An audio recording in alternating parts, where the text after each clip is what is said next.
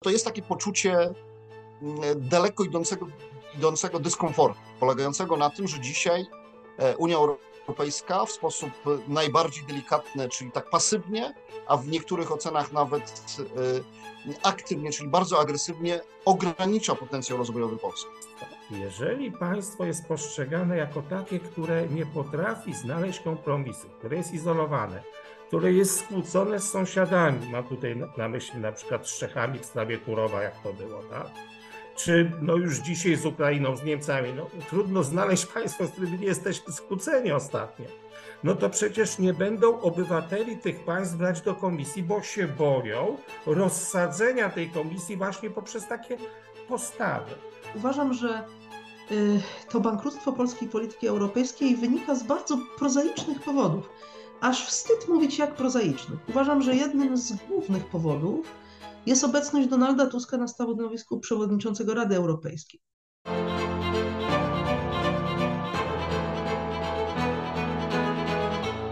Ten materiał powstał także dzięki darczyńcom Nowej Konfederacji. Jeśli chcesz, żeby takie całkowicie niezależne analizy spraw o strategicznym znaczeniu dalej powstawały, rozważ proszę dołączenie do grona darczyńców Nowej Konfederacji.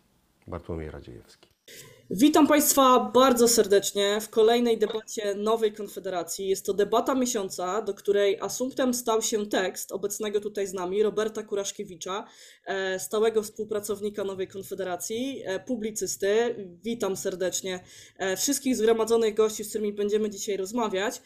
Ja nazywam się Gabriela Masztafiak i dzisiaj mam przyjemność porozmawiać z Państwem na temat bankructwa polityki europejskiej. Ale zanim przejdziemy do głównego tematu naszej dyskusji, pozwolę sobie przedstawić uczestników e, naszej dzisiejszej rozmowy. Jest z nami pan profesor e, Jacek Czaputowicz, e, politolog, nauczyciel akademicki, urzędnik państwowy, były minister spraw zagranicznych Rzeczpospolitej Polskiej. Witam panie ministrze. Witam, dzień dobry. E, witam pana, panie profesorze. Pan e, profesor Tomasz Grzegorz Grosse, politolog, europeista, socjolog, profesor nauk społecznych, obecnie związany z Uniwersytetem Warszawskim. Dzień dobry. Witam również. E, jest z nami pani doktor Małgorzata Bonikowska, politolog, nauczyciel akademicki, doradca rządowy oraz prezes Centrum Stosunków Międzynarodowych. Witam pani doktor. Dzień dobry. I pan Paweł Zalewski, historyk, przedsiębiorca, wieloletni poseł na Sejm RP oraz były poseł do Parlamentu Europejskiego, obecnie związany z kołem parlamentarnym Polska 2050. Witam panie pośle. Dzień dobry. I pan Robert Kuraszkiewicz, o którym mowa już na samym wstępie, menadżer, przedsiębiorca, publicysta, współpracownik stałej, e, stały współpracownik Nowej Konfederacji, e, który jest sprawcą e, między innymi naszego dzisiejszego spotkania, ponieważ rozmawiać będziemy o jego tekście opublikowanym na łamach Nowej Konfederacji z bardzo mocną tezą, szczerze mówiąc, a mianowicie bankructwo polskiej polityki europejskiej. I tak, panie Robercie, po, po lekturze pana tekstu można odnieść wrażenie, że Owszem, skupia się on w większości na polityce europejskiej prowadzonej przez obecny rząd, przez rząd Prawa i Sprawiedliwości. E, no ale oczywiście pobrzmiewają tam też akcenty oraz odniesienia do polityki poprzedników prowadzonej przez e, Platformę Obywatelską. No, jak sobie czytam ten pana tekst i, i, widzę taki fragment mówiący o tym, że rząd PiS rozdziera szaty, narzekając na blokowanie Polski przez Unię, a zwłaszcza przez Niemców, a potem w milczeniu akceptuje rozwiązania proponowane przez Brukselę. No to jako żywo czytam tutaj też zarzuty wobec rządu Platformy Obywatelskiej, która, która, która tę politykę europejską prowadziła wcześniej. I teraz pytanie, panie Robercie, w związku z tym, tak próbując zebrać te obydwa okresy, e, które, e, które tutaj będziemy chcieli ze sobą na początku porównać, ale później wskazać też znaczące różnice, o ile takie znajdziemy. Czy jest to uzasadnione podejście, mówiąc o bankructwie polskiej polityki europejskiej, wyłącznie w relacji do tych ostatnich lat polityki, a może właśnie ta obecność Polski w Unii Europejskiej od samego początku była jakąś formą podległości naszego państwa wobec silniejszych, wobec rozgrywających graczy?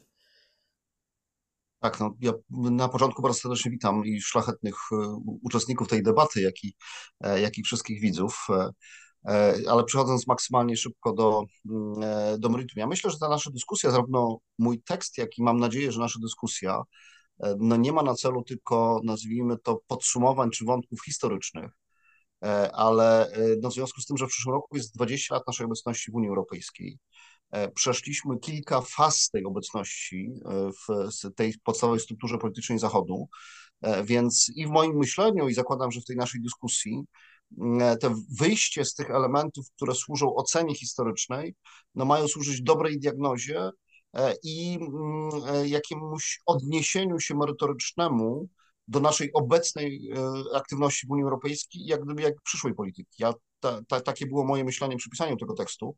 No a przypomnę, rzeczywiście tytuł jest powiedziałbym nawet prowokacyjny, ale on jest też wyrazem dyskusji w gronie redakcji Nowej Konfederacji. Tak? To nie jest mój całkiem autorski wymysł, ale, ale to jest jak gdyby chęć e, e, podkreślenia tematyki ze strony całej e, Nowej Konfederacji.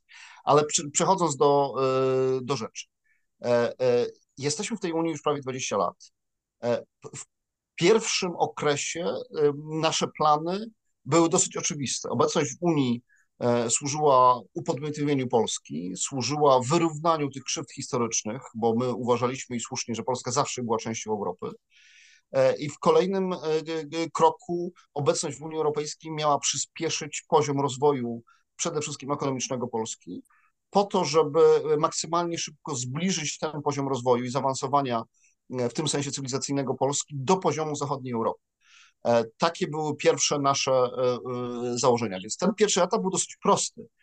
Przypomnę jeszcze, że te 20 lat temu wychodziliśmy z traumy komunizmu i postkomunizmu, więc szukaliśmy w perspektywie udziału w strukturach Zachodu platformy, która nam pomoże wyrównać te zaległości historyczne, które były efektem w XX wieku, w drugiej połowie XX wieku naszej obecności pod panowaniem komunistycznym.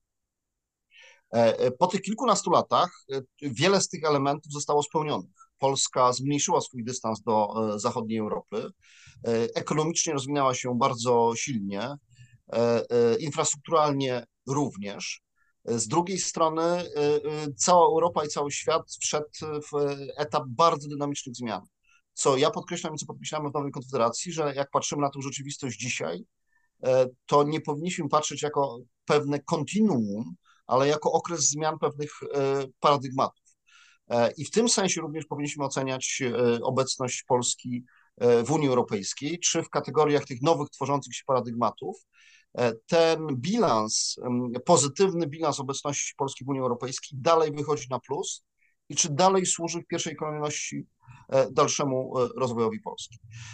I tak bardzo króciutko tylko podsumowując właśnie ten, ten punkt wyjścia, czyli mm, to hasłowe bankructwo, no to rzeczywiście, jeżeli się dzisiaj obserwuje ton debaty publicznej w Polsce i zwłaszcza e, paradoksalnie w sumie z, wychodzące z, ze środowisk popierających e, rząd, czy środowisk rządowych, publicystycznych również, e, no to jest takie poczucie daleko idącego, idącego dyskomfortu, polegającego na tym, że dzisiaj Unia Europejska w sposób najbardziej delikatny, czyli tak pasywnie, a w niektórych ocenach nawet y, aktywnie, czyli bardzo agresywnie ogranicza potencjał rozwojowy Polski. Takie jest podsumowanie. W jakim sensie jest to również podsumowanie własnej polityki rządowej, bo y, przypomnę i pan profesor Grosse w swoim artykule na, w Nowej Konfederacji to bardzo dobrze podsumował punkt wyjścia, postulaty obecne rządu i, i, i jak gdyby mm, podsumowanie tych polityki, tej polityki po kilku latach.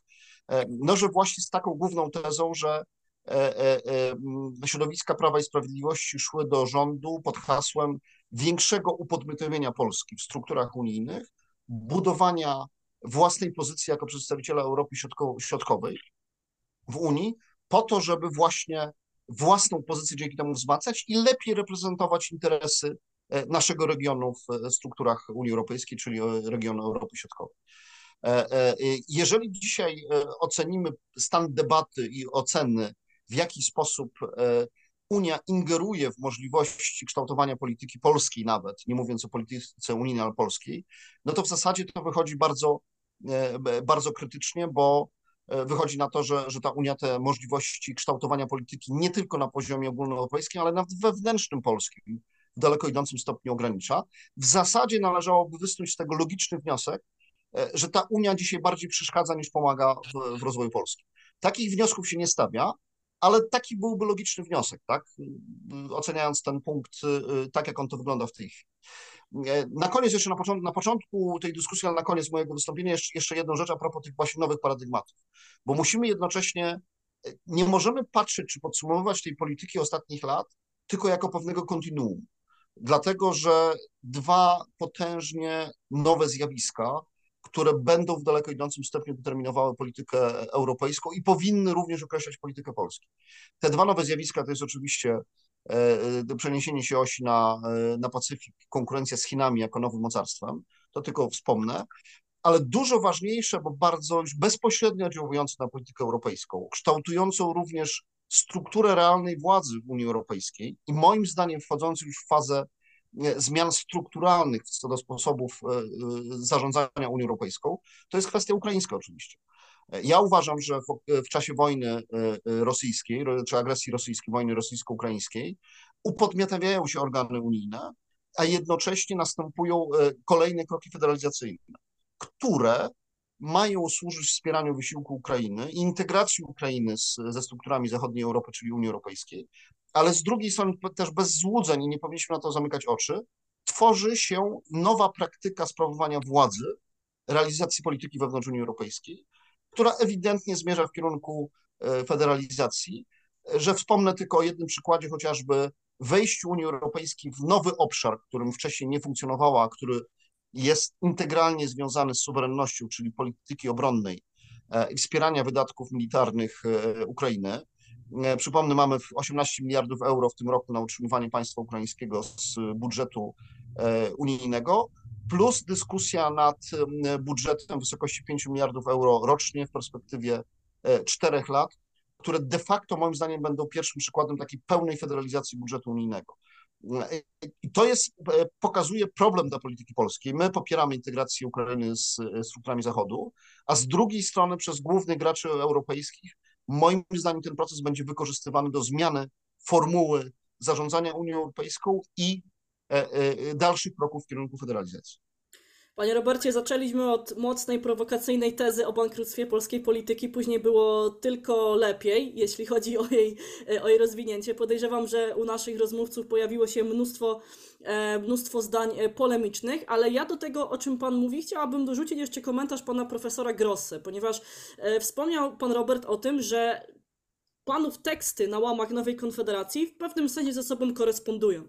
Pan Robert pisze o tym, jak polska polityka um, europejska najpierw e, symbolicznie rozrywa swoje szaty, a później bardzo łatwo akceptuje to, co rzeczywiście na tym, na tym unijnym e, parkiecie się dzieje. Pan z kolei pisze o tym, e, o bardzo konkretnych przykładach tego, na co Polska w bardzo niedawno, tak? Bo e, jeszcze w, w, grudniu 2020 roku na szczycie Rady Europejskiej się zgodziła, tak? To jest pakiet Fit for 55 e, oraz też e, mechanizmy warunkowości przy okazji podziału środków z, z, z, tego, co w Polsce znamy pod nazwą KPO. No i właśnie w takim razie pytanie. Pan Robert mówi o tym, że Unia Europejska stała się dla nas elementem ograniczającym nasz wzrost, ograniczającym nasz potencjał. Ale czy to nie jest tak, że my sobie ten potencjał ograniczamy w takim razie na, na własne życzenie, godząc się na takie rozwiązania, jakich pan pisze?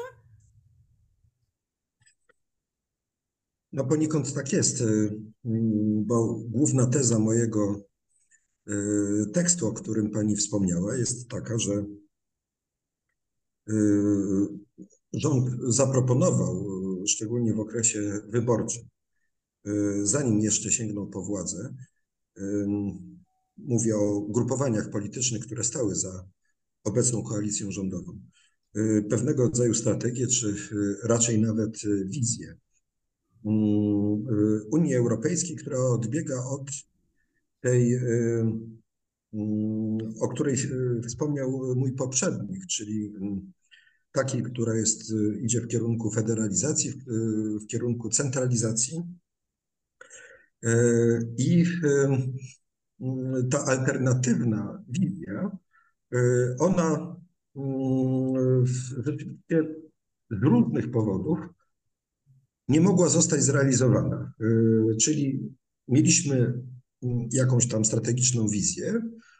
którą zaproponowała prawica, która była alternatywą w stosunku do tego, co było poprzednio i co zarówno jeśli chodzi o ten główny nurt polityki europejskiej, ale również jeśli chodzi o poprzednie rządy liberalne.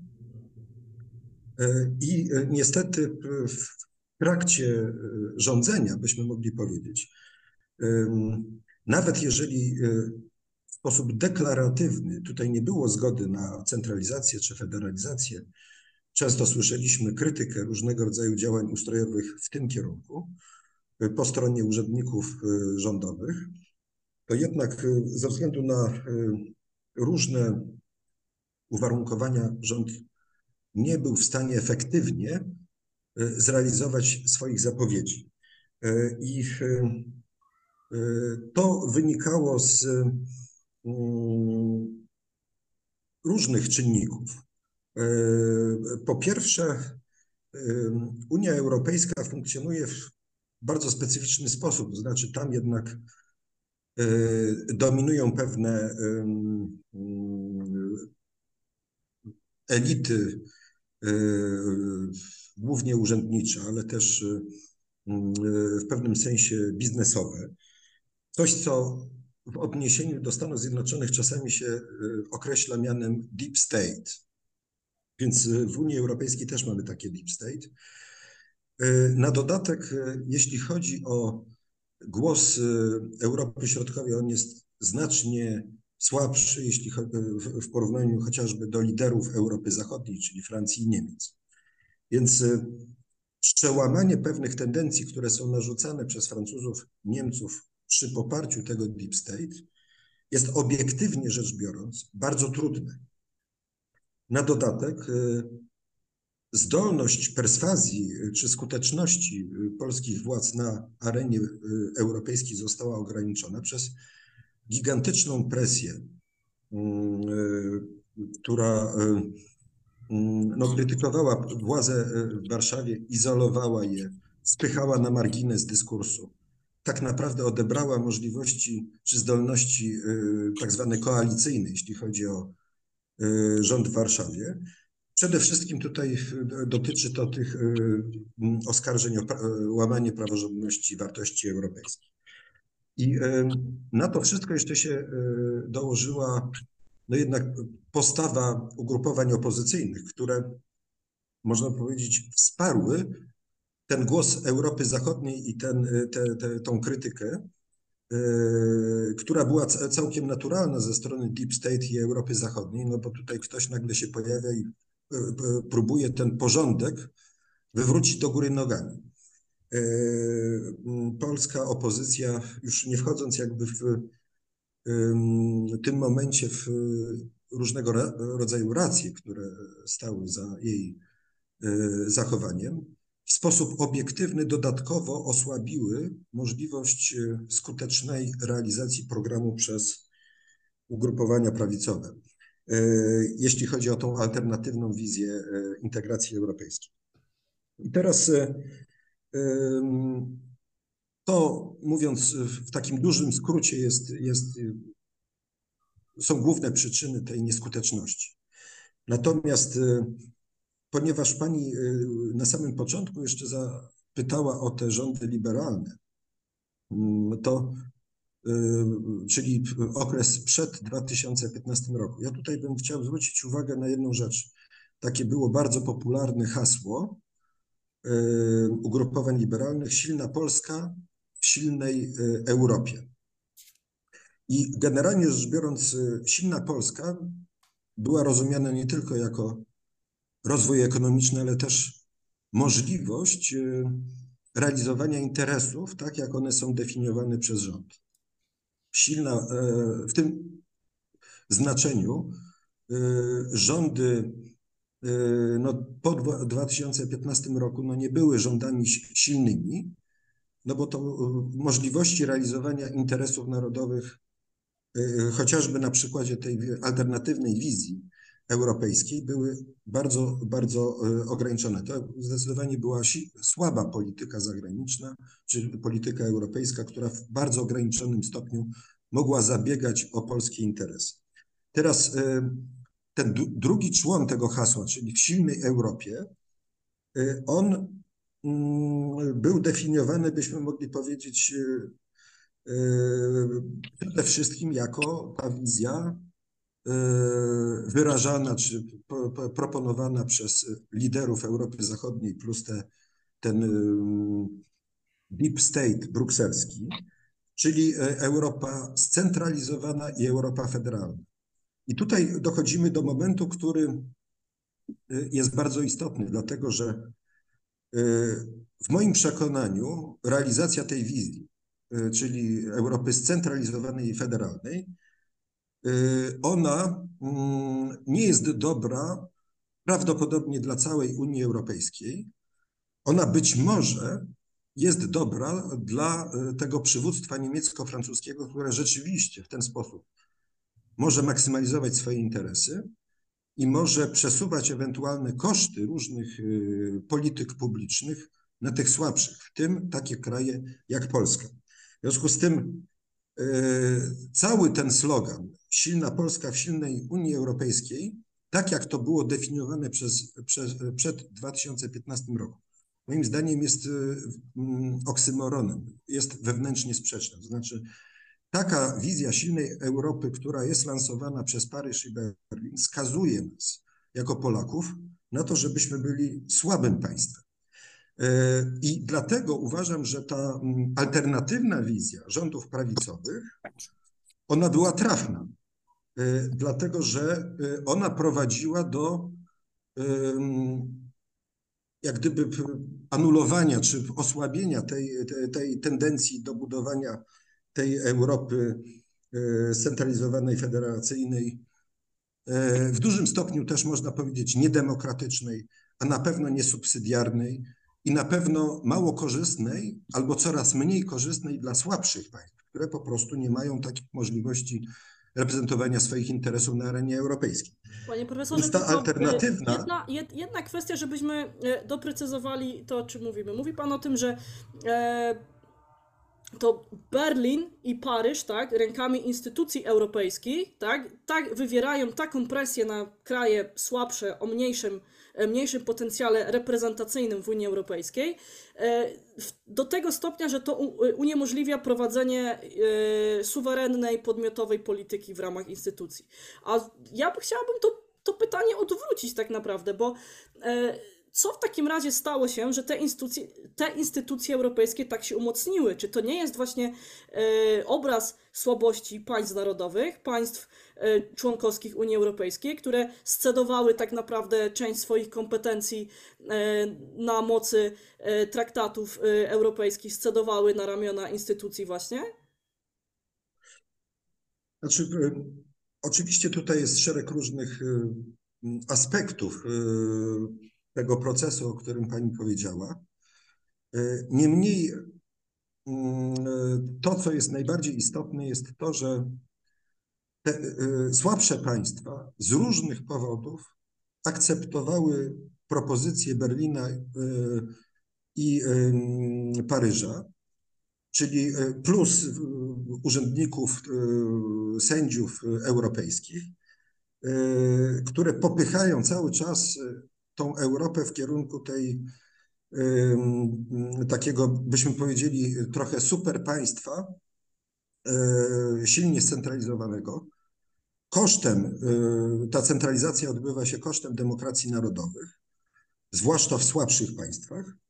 E, I, I, ta centralizacja czy federalizacja odbywa się również w sposób obiektywny, moim zdaniem, w ten sposób, że jakakolwiek alternatywa, chociażby taka, która była proponowana przez konserwatystów po 2015 roku, była trudna do realizacji, dlatego że w ogóle e, te państwa mają coraz mniej do powiedzenia, a tym bardziej w momencie, kiedy są specjalnie izolowane, kiedy wywierana jest na nich ogromna presja normatywna, po to, żeby specjalnie jeszcze bardziej dodatkowo ograniczyć możliwości ekspresji przez nie tej alternatywnej wizji przebudowy Unii Europejskiej. Natomiast chcę podkreślić na sam koniec jedną rzecz, że jestem absolutnie przekonany, że ta wizja e, centralizacyjna i e, wizja federacyjna ona z biegiem czasu będzie coraz bardziej szkodliwa dla Polski i pod względem ekonomicznym, pod względem ustrojowym, pod względem ograniczenia polskich wyborców, czyli polskiej suwerenności. Rację miał, miały ugrupowania konserwatywne, że proponowały alternatywę. Zresztą w dalszym, w dalszym ciągu są wierne tym hasłom. Czyli proponowały Unię Europejską, która jest bardziej zdecentralizowana, bardziej symetryczna. Jeśli chodzi o Europę Środkową, Europę Zachodnią jest bardziej subsydiarna, czyli nie zabiera kompetencji dajmy na to z Warszawy do Brukseli, tylko raczej wspiera Warszawę, jeżeli ta nie radzi sobie z wykonywaniem pewnych zadań publicznych, zwłaszcza w sytuacjach kryzysowych, tak jak chociażby, nie wiem, kryzys ukraiński i tak dalej. To jest jak gdyby ścieżka, w którą powinniśmy pójść, natomiast Unia raczej idzie w kierunku wzmocnienia instrumentów represyjnych, sankcjonowania, odbierania funduszy, również presji normatywnej, która wymusza albo uległość rządu, no i z taką uległością na sam koniec mieliśmy do czynienia, albo wymusza zmianę rządów. No, jeżeli popatrzeć z tej strony na to, w jakim kierunku zmierza projekt europejski, to on jest absolutnie zaprzeczeniem wszystkich pięknych idei proeuropejskich. On zmierza w, w kierunku jakiegoś monstrum, które będzie po prostu coraz bardziej w gruncie rzeczy niszczyło wartości europejskie i bardzo negatywnie wpływało na procesy integracyjne. I mówiąc krótko, i dlatego uważam, że to nie jest tylko szkodliwe dla Polski. I w tym sensie uważam, że opozycja, która wspierała Brukselę, Berlin i, i Paryż w atakach, chociażby jeśli chodzi o praworządność na, na rząd w Warszawie, popełniła strategiczny błąd, bo być może taktycznie z punktu widzenia przejęcia władzy w Polsce to jest korzystne, ale z punktu widzenia strategii długofalowej, czyli miejsca Polski w pewnej architekturze, w ramach integrującej się Europy, to szkodzi również przyszłym rządom. Ale uważam, że ten kierunek zmian w Unii Europejskiej na sam koniec będzie bardzo szkodliwy dla samej integracji europejskiej. Panie profesorze, tutaj chciałabym pana ministra Czaputowicza zapytać i poprosić też o takie, o takie podsumowanie tego, co do tej pory padło, ponieważ pan profesor Grosse mówi, mówi nam, że Polska jest w Unii Europejskiej słaba poprzez słabość swoich urzędników. A z drugiej strony, czytając, czytając raporty dotyczące ilości polskich urzędników w najważniejszych decyzyjnych ciałach instytucji europejskich, mówią nam o tym, że Polacy stanowią zaledwie 5% urzędników Komisji Europejskiej, podczas gdy przepisy dozwalają nam na 8,2% takich miejsc. Kolejna rzecz, na stanowiskach o charakterze kierowniczym mamy niewiele ponad 100 osób, które reprezentują Polskę. Tymczasem mówi się, że pomiędzy 60 a 70 przepisów, 60 a 70% przepisów prawa krajowego w państwach członkowskich to tak naprawdę implementacja bądź nawet taka transpozycja wprost prawa pochodnego Unii Europejskiej, czyli właśnie dyrektyw, rozporządzeń, decyzji, no i rozmaitych aktów, aktów prawnych wydawanych przez organy unijne. W takim razie, panie ministrze, w jaki sposób my moglibyśmy realizować polską rację stanu, forsować polskie interesy w, w, w, w, otoczeniu, które jest w tak małym stopniu nasycone Polakami i, w, i które, a gdzie rozgrywa się właściwie walka o akty prawne, które później modelują nasze życie na poziomie krajowym. No, dziękuję za, za to pytanie. Zaraz się do niego odniosę, jeśli chodzi o udział polskich urzędników w instytucjach. Natomiast też się odnieść do głównego naszego tematu. Ja się tak zastanawiam, na czym polega bankructwo polityki europejskiej. No i tutaj czytamy, że polega ono na tym, że akceptujemy rozwiązania proponowane przez Brukselę, a zarazem nasza retoryka jest inna. Ale czy to jest rzeczywiście uchwycenie istoty problemu? Ja sobie zadaję pytanie, bo przecież Wszystkie państwa akceptują decyzję Unii, Unii Europejskiej, Komisji Europejskiej, TSUE. To jeszcze nie jest bankructwo jakiejś polityki. No jeżeli jesteśmy w Unii Europejskiej, to powinniśmy jednak akceptować te decyzje. Oczywiście tu jest problem, czy te decyzje są zawsze podejmowane zgodnie z naszym interesem. To jest, I to jest przedmiot dyskusji. W każdym razie ja tu widzę jeszcze głębszy problem. To nie jest może tyle bankructwo polityki europejskiej, ale po prostu dysfunkcja polskiego państwa.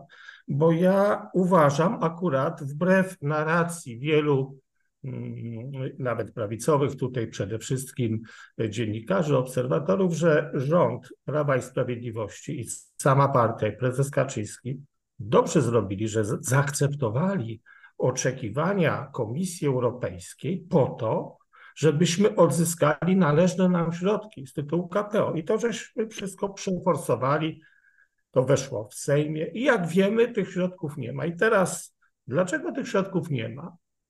Czy z winy Komisji Europejskiej? Ja tutaj uważam, że dobrze, że te porozumienie negocjowane przez ministra Szynkowskiego Welsenkara zostało zrealizowane na etapie Sejmu. Okazuje się, że prezydent skierował to do, do Trybunału. Trybunał do dzisiaj nie może podjąć decyzji. I to jest oczywiście bardzo złe, tylko że ten Trybunał, jak pan tutaj e, Kuraszkiewicz bardzo krytycznie pisze, że to jest w ogóle klęska, ten polski Trybunał e, Konstytucyjny, dewastacja używa tego słowa. No to przecież nie jest Komisja Europejska odpowiedzialna za skład i funkcjonowanie tego Trybunału, ani też nie jest odpowiedzialna za decyzję prezydenta, który jest suwerenny. Z jakichś powodów on to skierował do niefunkcjonującego Trybunału. Czyli mamy niefunkcjonujące państwo i my sobie tak czasami zrzucamy tę odpowiedzialność na Unię Europejską, bo to jest ze względów politycznych lepsze, ale nie, to zostało już uchwalone. Drugi aspekt, który się tu pojawia, czyli po pierwsze słabość państwa, no wręcz niefunkcjonalność. Drugi aspekt to ten wątek federalizacji. Tu chcę się też odnieść do głosu pana profesora Grosse. Moja teza jest troszkę inna. W ostatnim czasie zarządów Prawa i Sprawiedliwości, a zwłaszcza w ostatnie dwa i pół roku, chodzi mi o wprowadzenie tego mechanizmu warunkowości. Nastąpiło gwałtowne przyspieszenie w kierunku federalizacji. I moja teza jest taka, dzięki działaniom rządu Prawa i Sprawiedliwości, bo ten mechanizm został wprowadzony właśnie przeciwko Polsce i Węgrom wtedy. My żeśmy zaskarżyli to do TSUE. TSUE potwierdził, że to jest legalne, czyli my żeśmy jeszcze umożliwili zalegalizowanie tego mechanizmu. Mało tego, polskie władze, polski Sejm wdrożył to w życie, czyli utwierdził Komisję Europejską, Unię Europejską, że ten mechanizm funkcjonuje, no że państwa właśnie to wdrażają. Jeszcze do tego daliśmy pretekst przez niefunkcjonujący Trybunał Konstytucyjny, komisji do zgłoszenia wątpliwości co do naszego Trybunału Konstytucyjnego do TSUE i podejrzewam, że TSUE wyda wyrok korzystny dla komisji, czyli znowuż komisja przejmie i Unia Europejska, TSUE tutaj kompetencje, które wcześniej należały do e, państw członkowskich. I ten, to jest moim zdaniem nieuniknione. To jest, to jest skok w kierunku federalizacji i ten skok zaszedł Dlatego, że to była odpowiedź, były wykorzystane nasze działania rządu Prawa i Sprawiedliwości, czyli nawet gdyby się rząd zmienił, oczywiście nie wiem, jaki będzie wynik wyborów, to ten nowy rząd ma dużo trudniejszą sytuację, bo ten rząd już e, te rzeczy e, e, spowodował. Czyli ta federalizacja zarządu Prawa i Sprawiedliwości, nie całego rządu, jak ja byłem ministrem, tych rzeczy nie było w ogóle, że jakaś warunkowość, czy jakieś kary, że, że, że, że, że on jest dużo większa ta federalizacja zarządu Prawa i Sprawiedliwości, ten postęp dużo większy niż zarządu Platformy Obywatelskiej. Paradoksalnie. Ale nawet jakby opozycja wygrała, to już będzie miała ten bagaż, który ten rząd włoży jej na barki, bo będzie musiała dostosować e, funkcjonowanie polskich instytucji Trybunału Konstytucyjnego do właśnie tego orzeczenia, które ja przewiduję będzie niekorzystne, ale jeszcze chcę powiedzieć, że być może ten rząd będzie e, e, musiał to realizować, jeżeli wygra e, Prawo i Sprawiedliwość wyborów. Czyli tutaj z tą federalizacją nie jest tak oczywiste. Teraz pytanie, moim zdaniem, istotne, no bo gdzie jest ten problem? Dlaczego tak to się stało? Moim zdaniem to wynika z tego, że my jesteśmy wyizolowani, nie jesteśmy akceptowani. My straciliśmy sojuszników. E, zostaliśmy wyizolowani z Grupa Wyszehradzka nie działa, inicjatywa Trójmorza nie działa. Ostatnio było mm, ważne forum w Bratysławie, forum bezpieczeństwa. Nie otwierali jego ministrowie spraw zagranicznych Grupy Wyszehradzkiej, tylko trójkąta Sławkowskiego, Czechy, Słowacja, Austria, jako ten nowy format. Ostatnio teraz z Ukrainą widzimy bardzo te relacje się popsuły, czyli ten trójkąt lubelski też tutaj jest pod znakiem zapytania. I to umożliwiło Komisji Europejskiej, bo tam moim zdaniem nie ma altruistów, wszyscy realizują swoje interesy, żeby wykorzystać tą polską politykę dla realizacji interesów właśnie tych dużych państw. I tutaj się z tym zgadzam. Teraz jak my to możemy wytłumaczyć, to ten skok federalizacyjny e, teoretycznie? No tutaj z, z pomocą przychodzi instytucjonalizm historyczny. On głosi, że tak często jest. Jest wiele prac na ten temat że politycy y, po pierwsze nie rozumieją procesu integracji europejskiej, on jest bardzo skomplikowany, więc podejmują decyzje, które są w długim okresie czasu wbrew ich interesom, interesom państw, które reprezentują, a po drugie politycy kierują się krótkoterminową korzyścią, czyli kontekstem wyborów, a nie kwestiami strategicznymi. I to jest wytłumaczone.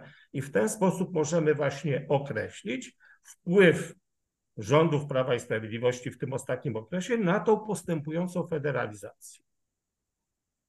E, panie ministrze, w takim razie, e, ale e, mówi pan o tym, że straciliśmy sojuszników. Tak naprawdę sami zalegalizowaliśmy w dużym stopniu działania Komisji Europejskiej przeciwko Polsce, dając możliwość potwierdzenia tego, tak, że te, że te podjęte kroki są słuszne. Natomiast ja jeszcze przywołam taki, taką rozmowę, w której wziął udział też były minister spraw zagranicznych, pana poprzednik, pa, panie, e, panie profesorze, pan minister e, Waszczykowski, który powiedział w rozmowie z Bartłomiejem Radziejewskim, że Polska została oszukana przez Komisję Europejską i po wdrożeniu, e, po wdrożeniu zaleceń, po wdrożeniu wynegocjowanego kompromisu dotyczące, do, dotyczącego reformy sądownictwa, która miała skutkować odblokowaniem środków, te pieniądze nadal do Polski nie przypłynęły, a wręcz może dojść do tego, że zostaną Polsce zablokowane także środki z funduszy strukturalnych, które, które są dla Polski jednak e, dość istotne, jeśli chodzi o całość polskiego budżetu i wkład, jaki one wnoszą. Natomiast e, wrócę do pytania, od którego zaczęliśmy, czyli skąd ta słabość, panie ministrze? Czy e, to jest słabość urzędnicza, czy to jest słabość naszych kadr, słabość kształcenia naszych kadr, czy ta, ta tradycja słabej dyplomacji obliczonej na kadencję, nie na lata, i na wyzwania rzeczywiście stojące przed nami jako państwem, czy to jest taki zapalnik, od którego zaczyna się ta słabość, którą, którą my w dalszym ciągu w dalszym ciągu mamy i to, że nie wykorzystujemy swoich szans, bo przecież są kraje mniejsze, jest Malta, Słowacja, y, Estonia nawet, które grają powyżej swojej stawki w Unii Europejskiej, wykorzystują możliwości traktatowe i mają tych urzędników w kluczowych strukturach europejskich. Ja tutaj mam swoje, swoje podejście, bo przecież byłem zaangażowany jako minister spraw zagranicznych też w te negocjacje. Gdy byłem ministrem, podlegały mi dwa działy. Polityka zagraniczna i członkostwo Polski w Unii Europejskiej i zrezygnowałem, to niejednokrotnie mówiłem, uważają, że rozdzielenie tych dwóch działów i podporządkowanie polityki unijnej, wyjście spod MSZ pod niedyplomatyczny KPRM to jest błędem. I to się niestety potwierdza. Dlaczego moim zdaniem to jest błędem? Bo polityka europejska to nie jest polityka tylko w Brukseli, to jest oddziaływanie na państwa, działanie w stolicach. I minister spraw zagranicznych zawsze te, te pierwsze kwestie jest, co tam u was z praworządnością, jak polityka unijna. On się kontaktuje z ministrami spraw zagranicznych innych państw, którzy odpowiadają za politykę wobec Polski. I jeżeli ten minister spraw zagranicznych Polski tego nie ma, w kompetencjach, na ten temat nie rozmawia. I nie ma tego oddziaływania w centralach, po pierwsze, a po drugie, nie możemy też ocenić polityki poszczególnych państw wobec Polski, bo te sygnały na najwyższym szczeblu, czyli ministra spraw zagranicznych, do nas nie przychodzą. Ja, ja uważam, że to by niestety był błąd i to się potwierdza, bo i teraz to, co mówił pan minister Waszczykowski, on się odnosił do starego stanu i to dobrze ilustruje to, co powiedziałem. Coś tam nasz premier i nasz minister, wtedy jeszcze mm, Szymański, wynegocjował z von der Leyen. Ona w dobrej wierze powiedziała, że ona to wdroży. I teraz minister Waszczykowski mówi, że ona nie dotrzymuje y, słowa. Natomiast my wszyscy wiemy, że ona nie potrafiła tego wdrożyć, bo jej państwa, inne instytucje nie dały wdrożyć. Powiedziały, nie masz prawa tego wdrażać. Stąd nastąpiło to wycofanie, bo nie szło równoległa praca w stolicach. Gdy ja byłem ministrem, no na przykład taka biała księga, ona była, to był główny problem oddziaływania na państwa i wtedy komisja musiała uzyskać znaczną większość, wystarczyło 8 państw, które się nie godzą i my te 8 państw mieliśmy i dlatego komisja nie mogła przejść do kolejnego etapu artykułu. A tu się okazało, że jesteśmy tylko z Węgrami. Dlatego mówię o tej izolacji.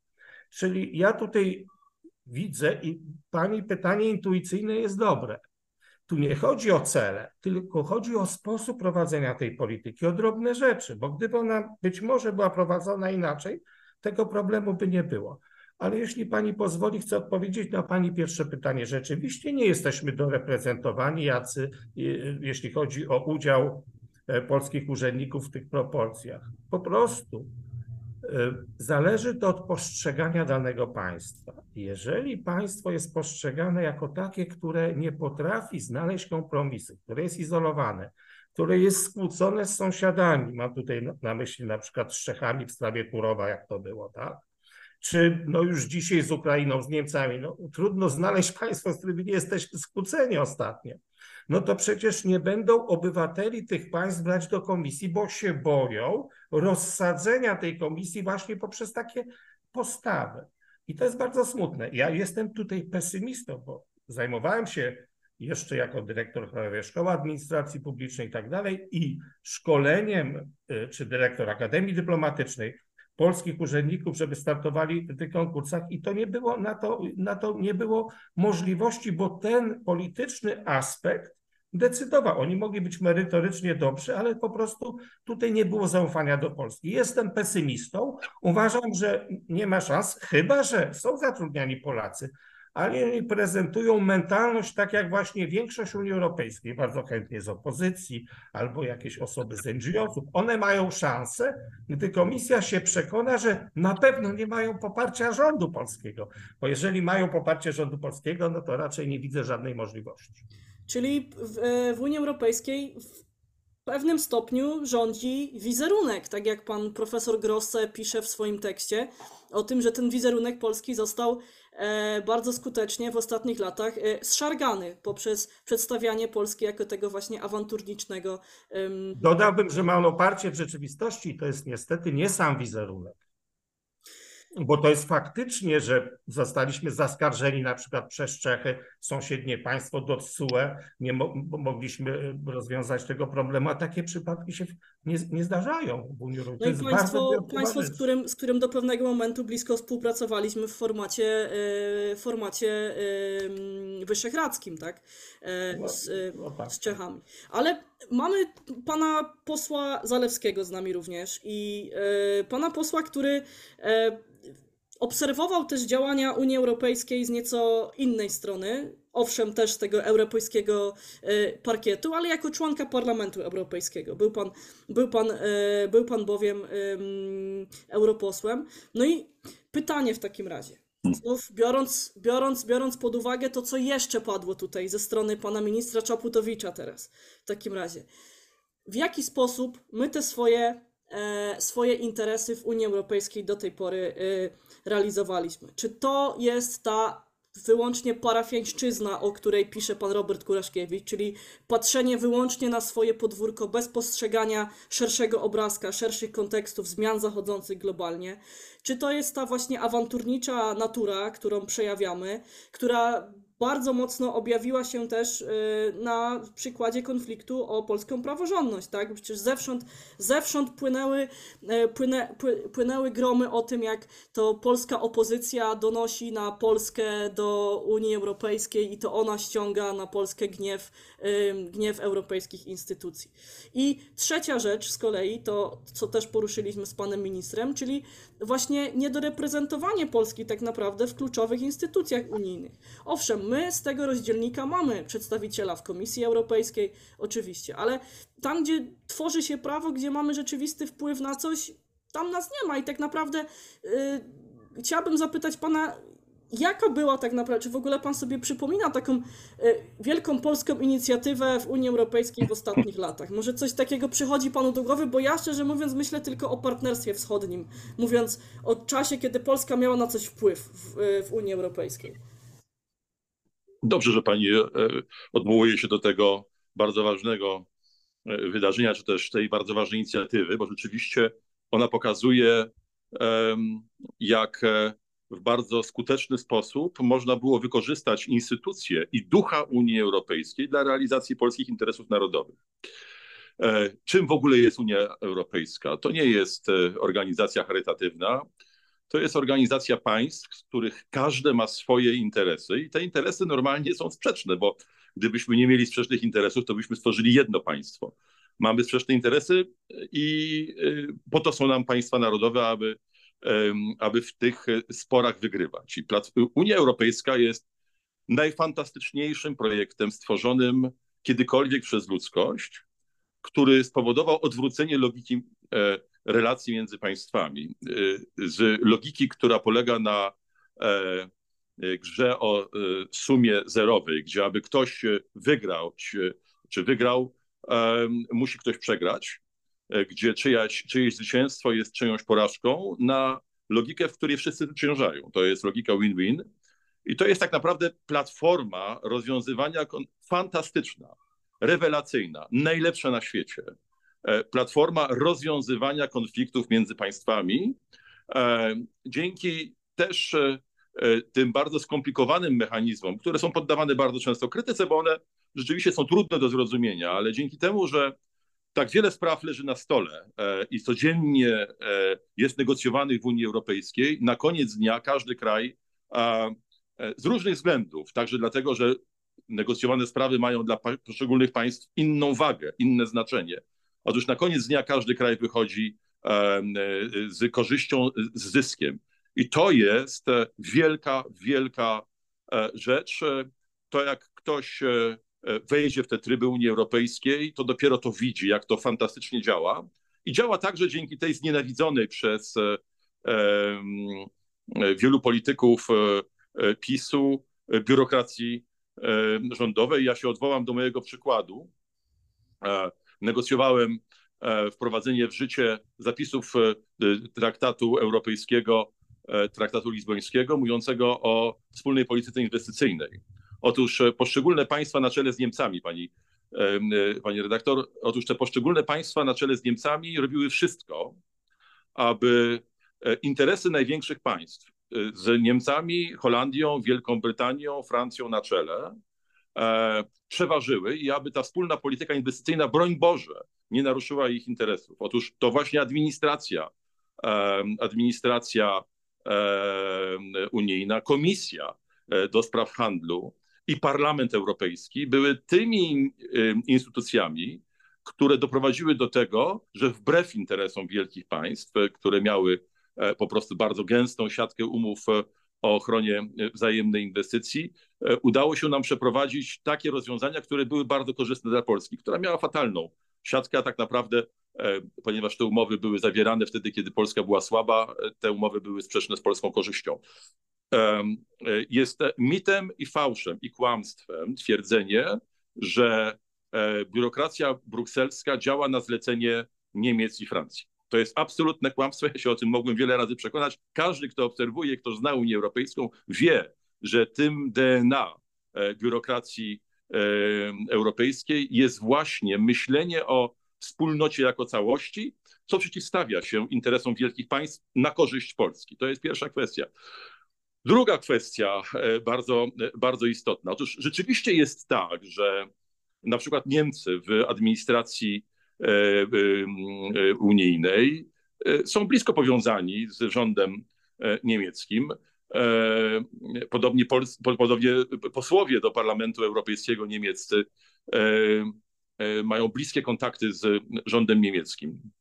Ale to nie oznacza w żaden sposób, to nie oznacza, że oni są w stanie przeważyć ten duch wspólnotowy, który istnieje w Brukseli i bardzo często oni po prostu w praktyce się muszą cofać. To nie jest tak, że w Brukseli wszystko idzie jak składka, że, e, że nie ma e, napięć i nie ma tarć. Są olbrzymie tarcia, olbrzymie napięcia, ale e, efekt tych tarć jest taki, jak powiedziałem, w bardzo wielu przypadkach. To znaczy wówczas, kiedy poszczególne państwa chcą skutecznie, realnie bronić interesów. Jeżeli oddają te interesy, jak robi to Polska pod rządami PiSu, no to trudno się dziwić, że inni z tego korzystają. I to będzie wielki problem dla przyszłego rządu. To będzie wielki problem dla przyszłego rządu, aby odbudować tą zdruzgotaną pozycję polską wyniku rządów, rządów PiSu. I pośle, e, ja tylko. Kolejna rzecz. Przepraszam, bo... że, że, że, że przerwę. Jedną, jedną rzecz tylko wtrącę, bo już drugi raz po, pojawia nam się tutaj e, wątek tego, co czeka przyszły rząd e, w relacjach Polski z Unią, z, z Unią Europejską. A czy to nie jest przypadkiem tak, że to będzie taka bardzo wygodna sytuacja dla przyszłego rządu, mówiąc, ale my nie możemy już nic zrobić, bo zgodziliście się na to, na to i na to. Czy to rzeczywiście e, będzie spore, spore, spore wyzwanie, czy wygodna sytuacja? Ja należę do formacji, do partii Polska 2050, która ma ambitne plany w Unii Europejskiej i nie zamierza poddawać się e, e, temu, E, dzisiaj przeważającemu e, e, takiemu sposobowi myślenia, że Polska jest krajem słabym, którego interesy można pomijać. Polska jest krajem słabym dlatego, że rząd PiSu do tego doprowadził i ja nie mam zamiaru, ani moi, moje koleżanki i koledzy uczestniczyć w takim rządzie w przyszłości. Jeżeli walczymy o to, aby zwyciężyć w wyborach, to po to właśnie, aby tę pozycję polską w Unii Europejskiej e, wygrać. Ja przypomnę zresztą, e, to jest historia, ale może kiedyś, teraz chyba nie ma czasu na to, warto wrócić do negocjacji nad traktatem unijnym. Ja wtedy zajmowałem jednoznaczno, jednoznaczne stanowisko w 2007 roku. Myślę, że pan profesor Czaputowicz to doskonale pamięta, ale zostawmy te kwestie, bo to historia. Jest kilka kwestii, które również zostały powiedziane w taki sposób, który jest daleki od prawdy. Dzisiaj E, tandem e, e, niemiecko-francuski, który naprawdę jest istotny z punktu widzenia interesów Unii Europejskiej, jest słaby jak nigdy. Nie ma czegoś takiego jak dyktat Brukseli, Berlina i Paryża.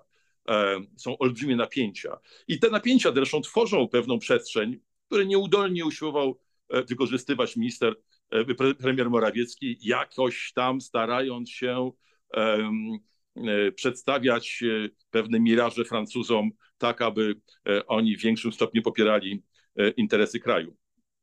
A więc naprawdę, jeżeli, musimy, jeżeli mamy mówić o Unii Europejskiej, to mówmy o tym, czym ona jest. Federalizacja jest mrzonką.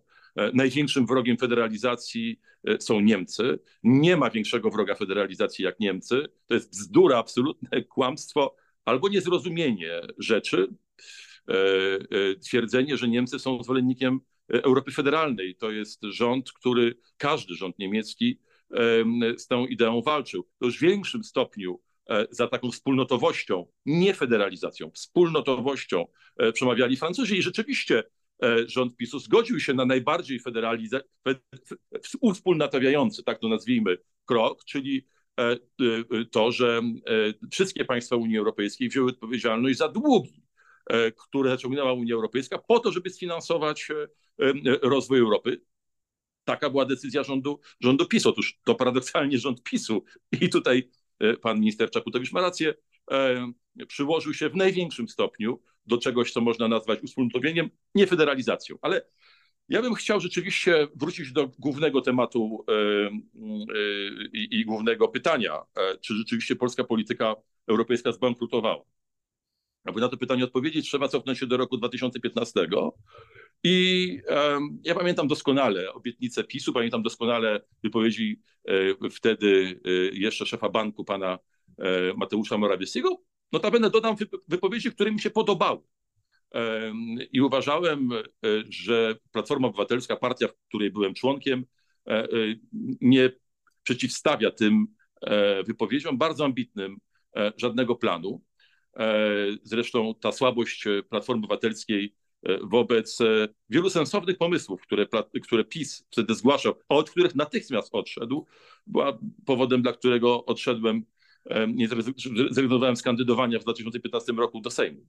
Otóż e, przypominam, po pierwsze wzmocnienie pozycji Polski w mechanizmie podejmowania decyzji, czyli de facto krytyka tego traktatu, który zawarł pan prezydent Lech Kaczyński, pan premier Jarosław Kaczyński w 2007 roku. Druga rzecz, bardzo istotna, może nawet bardziej, to odejście od pewnego modelu rozwojowego, gospodarczego, gospodarczo-społecznego, który w Polsce był e, realizowany i nazywany przez e, Mateusza Morawieckiego pułapką średniego rozwoju, E, taką e, gospodarką peryferii, e, krytyka tego, że Polska jest dostawcą półproduktów dla gospodarki niemieckiej. To były wszystko bardzo dobre diagnozy. Co się z nich stało, w jaki sposób one zostały zrealizowane, no to jest kpina, no po prostu nic. To wszystko legło w gruzach. W ciągu chwili po tym, jak PiS objął władzę, przestał realizować, zrezygnował z tych bardzo ambitnych, i powtarzam, popieranych przeze mnie wówczas, e, e, wówczas planów. E, czy to oznacza bankructwo polityki europejskiej PiSu? Całkowite. I teraz wrócę do tego, o czym mówił pan minister Czaputowicz, bo to jest bardzo ważne. Sposób prowadzenia polityki. Otóż, pani redaktor, Unią Europejską rządzi zaufanie. Zaufanie jest tą logiką, którą która decyduje o tym, że e, Zachód e, się rozwinął. E, zaufanie na każdym poziomie, także między państwami. Otóż niezależnie od tego, jak ocenimy stanowisko Unii Europejskiej wobec zmian, które były wprowadzane w Polsce po roku 2005, mówię o zmianach konstytucyjnych, nie mówię o polityce, mówię o zmianach ustrojowych, bo E, przecież e, problem polegał na tym, że PiS dokonał zmiany ustroju Polski, nie zmieniając konstytucji. Otóż, e, otóż ja w jakichś przypadkach, w wielu przypadkach mógłbym się nawet zgodzić z tym, że na przykład tak bardzo ostre kary za Turów, gdzie no tutaj nie mam żadnej wątpliwości, że poprzedni rząd i prezydent czeski byli pod dużym wpływem rosyjskim, robili wszystko, żeby skłócić Polskę z Czechami. E, i nie w interesie Czech bynajmniej, e, że te kary nie były słuszne, e, że, że tutaj Trybunał Sprawiedliwości Unii Europejskiej mógł jednak się inaczej zachować. Inna rzecz, że polski rząd nie dał mu żadnego argumentu, aby tak zrobić. Znaczy postępowania przed Trybunałem Sprawiedliwości Unii Europejskiej, zachowanie się tam Polski no, było po prostu proszeniem się o, o, o, o, o takie kary. Ale zostawmy tę ocenę na boku to jednak jest tak, że e, e, łamanie polskiej konstytucji e, doprowadziło do tego przez, przez PiS i tutaj mamy wiele przykładów, rozumiem, że nie mamy czasu, aby o tym mówić, czy też zmiana polskiej konstytucji drogą niekonstytucyjną doprowadziło do tego, że to zaufanie do Polski bezgranicznie się ograniczyło. I to będzie jeden z wielkich problemów przyszłego rządu, bo przecież to nie jest tak, że E, e, e, jeżeli wybory rzeczywiście doprowadzą do zmiany, zobaczymy. Ja bardzo na to liczę i bardzo na to pracuję. Otóż, jeżeli tak będzie, i to jest konkluzja mojej wypowiedzi, że te wszystkie problemy, które mamy z Unią Europejską, miną i że nagle, jak za dotknięciem czarodziejskiej różdżki, wszystko będzie cudownie, dlatego że jest tak, jak powiedziałem na samym początku. Unia Europejska to, to twarda rywalizacja i obniżenie zaufania do Polski, skutkujące obniżeniem pozycji państwa polskiego, jest bardzo korzystne nie dla Niemiec, bo Niemcy wielokrotnie, e, przypomnijmy spotkania pani Merkel, tajne spotkania z Jarosławem Kaczyńskim, e, wizyty premiera Schäuble, zresztą wielkiego polityka niemieckiego i wielkiego przyjaciela Polaków i spotkania z ministrem, z premierem Morawieckim i tak dalej, i tak dalej. Otóż to nie Niemcy z tego korzystają najbardziej, to inne państwa, które są znacznie słabsze od Polski z tego korzystają. Otóż powrót do zaufania i wzrostu pozycji Polski e, będzie niebywale trudny. I to rzeczywiście e, będziemy zawdzięczać, e, zawdzięczać PiSowi, ale ja jestem przekonany, i to jest sens udziału mojego środowiska politycznego w polityce i wyborach. Zrobimy wszystko, aby do tego należytego miejsca Polskę w Unii Europejskiej doprowadzić. E, widzę, że tutaj e, rękę podniósł już wcześniej pan profesor Grosse, ale ja jestem zobowiązana, żeby zapytać jeszcze panią doktor Bonikowską, zanim, zanim przejdziemy do takich podsumowujących. Ja bardzo przepraszam panią redaktor, bo ja być może nie będę mógł wziąć, e, czy wysłuchać tego, co powie pan profesor Grosse, bo będę musiał wychodzić do, do telewizji, ale, ale mam nadzieję, że odtworzę sobie to, panie profesorze, to nie jest wyraz jakiegoś lekceważenia wobec pana, ale odwrotnie, postaram się e, wysłuchać Pana wypowiedzi i znaleźć jakąś formułę, na, e, e, żeby odpowiedzieć. Dobrze. Ja myślę, że formułę jesteśmy w stanie zorganizować nowej konfederacji przy kolejnym spotkaniu panów. Będzie bardzo miło. Także panu posłowi bardzo serdecznie dziękuję.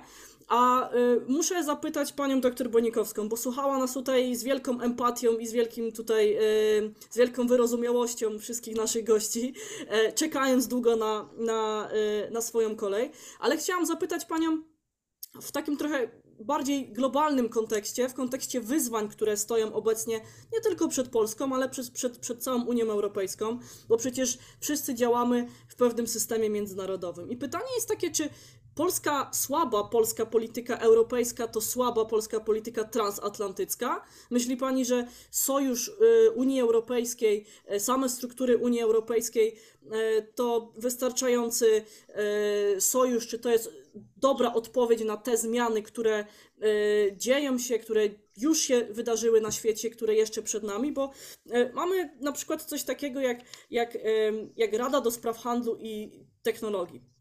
Ciało powołane po to, aby koordynować, e, koordynować projekty dotyczące e, transformacji cyfrowej pomiędzy Unią Europejską a Stanami Zjednoczonymi. No ale e, chciałoby się więcej, tak? Chciałoby się silniejszej współpracy Stanów Zjednoczonych z Unią Europejską właśnie w obliczu tych wszystkich globalnych wyzwań. Więc podsumowując, czy słaba polska polityka europejska to słabe polskie relacje ze Stanami Zjednoczonymi oraz czy Unia Europejska to dobra odpowiedź na wyzwania i kryzysy świata, który przed nami. Dziękuję bardzo za to pytanie i za zaproszenie i rzeczywiście bardzo ciekawe głosy były moich e, przedmówców. Do wielu mogłabym się odnieść. I ja bym chciała dorzucić, zanim odpowiem na Pani pytanie, jeszcze kilka kamyczków do tej dyskusji. I przeprosić, że może to tak to bardzo strywializuję, ale uważam, że y, to bankructwo polskiej polityki europejskiej wynika z bardzo prozaicznych powodów aż wstyd mówić jak prozaicznych. Uważam, że jednym z głównych powodów jest obecność Donalda Tuska na stanowisku przewodniczącego Rady Europejskiej. Uważam, że gdyby nie fakt, że główny oponent obecnego środowiska rządzącego w Polsce i nie jego obecność w tak ważnej strukturze Unii, tak ważnej instytucji unijnej, to też i podejście e, obecnego rządu do Unii Europejskiej na początku, do struktur unijnych byłoby inne. One zostały od razu zdefiniowane Y, jako polityczne niebezpieczeństwo, jako miejsca, z których może płynąć polityczny atak, po prostu z definicji, dlatego że tam był polityczny y, wróg. I wydaje mi się, że dla polskiego państwa to akurat jest ogromne nieszczęście, bo myśmy de facto tej sytuacji, w której y, jeden z Polaków sprawował ten urząd, ważny urząd, ważną rolę jednak i miał, miał pewien wpływ, ograniczony, ale miał jednak pewien wpływ na to, co się działo wtedy w Unii Europejskiej, zwłaszcza, że to się nałożyło na kryzysy. A wiemy przecież, że Unia Europejska no de facto od e, tych przegranych referendów w sprawie konstytucji w Holandii i w, we Francji w 2005 roku. No i potem mamy traktat z Lizbony trochę z rozpędu, niejako no, podpisany po to, żeby coś jednak uchować z tego dorobku konstytucyjnego. No to potem było e, tylko gorzej. Nie było czasu na w zasadzie nawet na taką refleksję szerszą i myślę, że mogliśmy lepiej wykorzystać jako państwo ten moment, A stało się dokładnie odwrotnie. Wprowadziliśmy się i druga moja teza jest taka, że trochę przypadkiem. Ja nie widzę zamiaru w 2015 roku w rządzie Prawa i Sprawiedliwości i koalicji obecnej, żeby się skonfliktować z instytucjami unijnymi. Uważam, że to się zdarzyło trochę na zasadzie płynięcia z nurtem wydarzeń i y, no, zapędzenia się w sytuacji, w której trudno było to potem odwrócić, chociaż próbowano odwrócić to parę razy.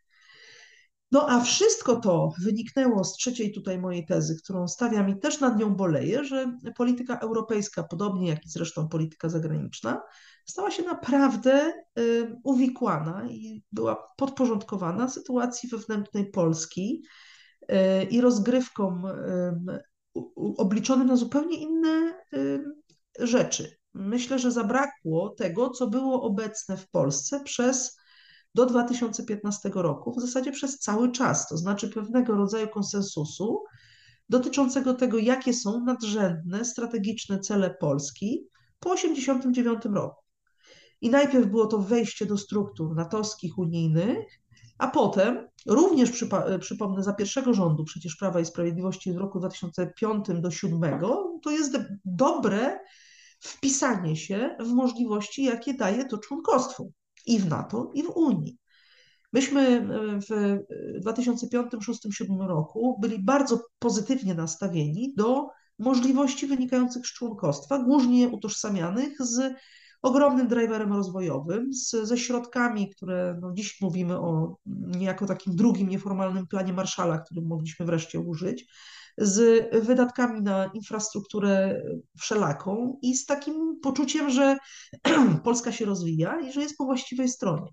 Nie było tam e, tego, co potem zdefiniowano jako właśnie, nie wiem, utratę suwerenności, było y, rozgrywanie polskich interesów i wydaje mi się, że zarówno za rządu Prawa i Sprawiedliwości z 2005-2007, jak i potem Platformy Obywatelskiej, w zasadzie y, pomijając szczegóły, ale co do zasady, ta chęć współtworzenia projektu europejskiego była widoczna. Takim momentem zwrotnym być może e, była prezydencja Polski w e, Radzie Unii Europejskiej w 2011 roku, dobrze przeprowadzona. I potem, i to podkreślam, zarządów przecież poprzednich, czyli e, Platformy Obywatelskiej i PSL-u, zaczęły się rozważania na temat tego, no i co dalej? Jaka powinna być teraz polska strategia, skoro w zasadzie osiągnęliśmy to, co sobie zakładaliśmy.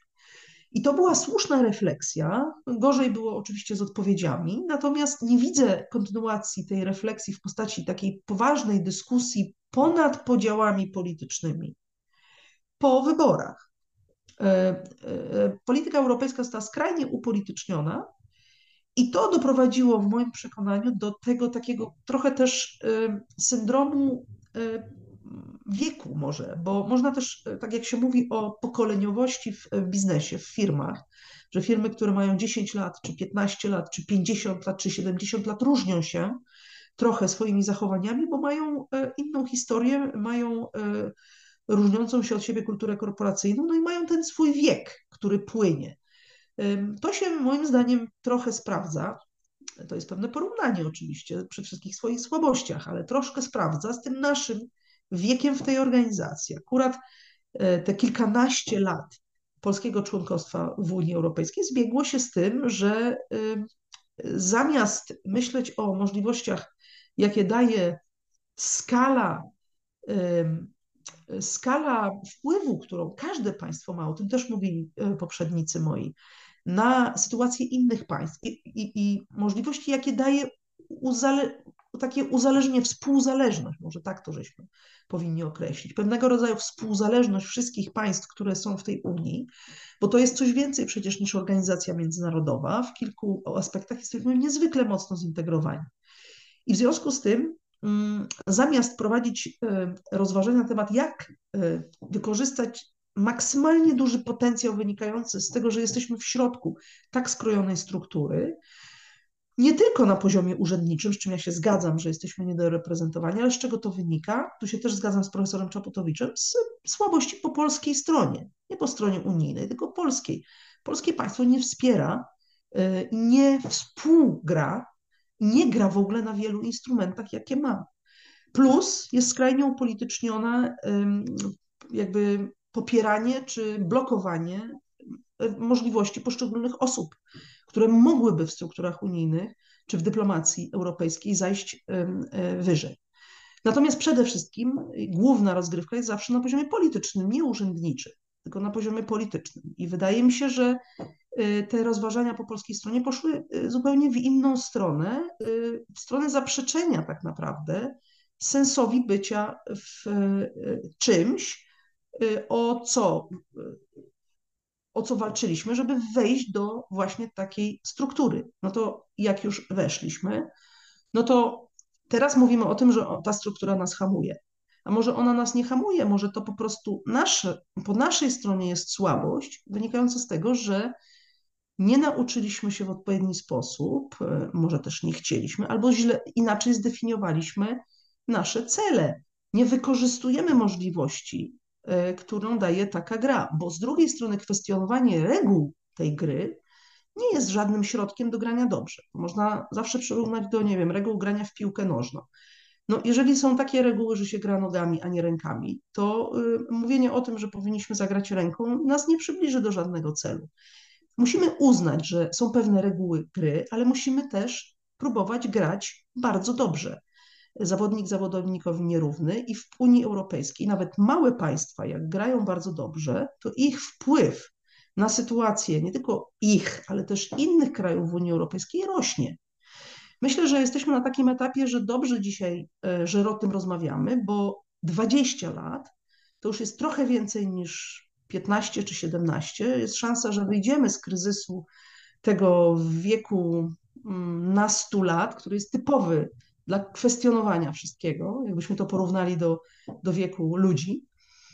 I może czas na refleksję, co na następne 20 lat w Unii Europejskiej chcielibyśmy osiągnąć. E, no, pod dwoma warunkami wydaje mi się, że po pierwsze zauważymy, że polityka europejska, podobnie jak i zagraniczna, powinna jednak być określana ponad podziałami politycznymi wewnątrz kraju, bo strategiczne interesy państw często realizowane są latami, i powinny być realizowane bez względu Przepraszam na. bardzo pani doktor, ale chciałabym się tutaj wtrącić z takim, z takim jednym doprecyzowaniem, bo mówi pani o tym, że okej, okay, może jesteśmy już po naszym etapie y, startupu Polska, który po 20 latach trochę zagubił się, nie wiedząc o co mu w tej Unii Europejskiej chodzi y, i ma problem z określeniem swojej własnej tożsamości. I, ale mówimy też o tym, że Polska prowadzi politykę w, w gruncie rzeczy krótkowzroczną, od kadencji do kadencji. A pytanie w takim razie w drugą stronę, czy Pani zdaniem Unia Europejska ma na siebie taki długofalowy pomysł, taki długofalowy projekt, realizuje jakieś takie,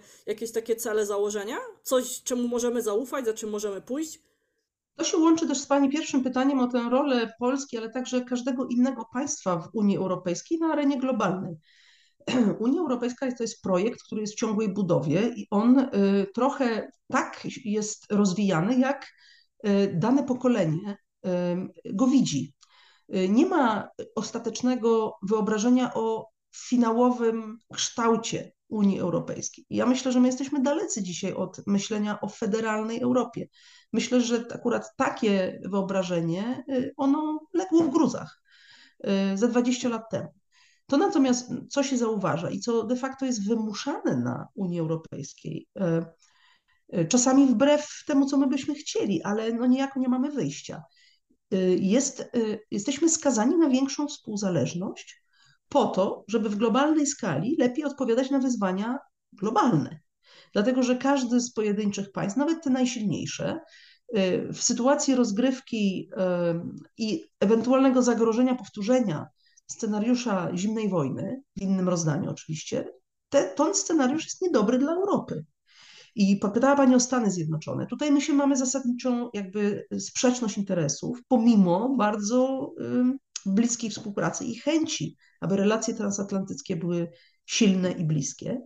My nie chcemy podziału świata na dwie części. Dlatego, że w takim y, wyobrażeniu świata, w Zimna Wojna 2.0, Europa przestaje być y, aktorem, przestaje być twórcą, współtwórcą tego porządku staje się dodatkiem i oczywiście dodatkiem no, do Stanów Zjednoczonych, ale ambicja Europejczyków jest większa i wydaje mi się, że tu nie ma większej sprzeczności. Myślę, że każdy w Europie chciałby, również i Polska, aby Europa, zwłaszcza Unia Europejska, była jednym z rozgrywających w tej rozgrywce globalnej, oczywiście grając ze swoimi sojusznikami. W tym kontekście też widzimy myślenie o przyszłości projektu europejskiego, no bo jeżeli tak ma być, to ten projekt europejski musi nas doprowadzić do tego, żeby wzmacniać te współzależności po to, żeby silniej czy, czy wyżej grać, tak?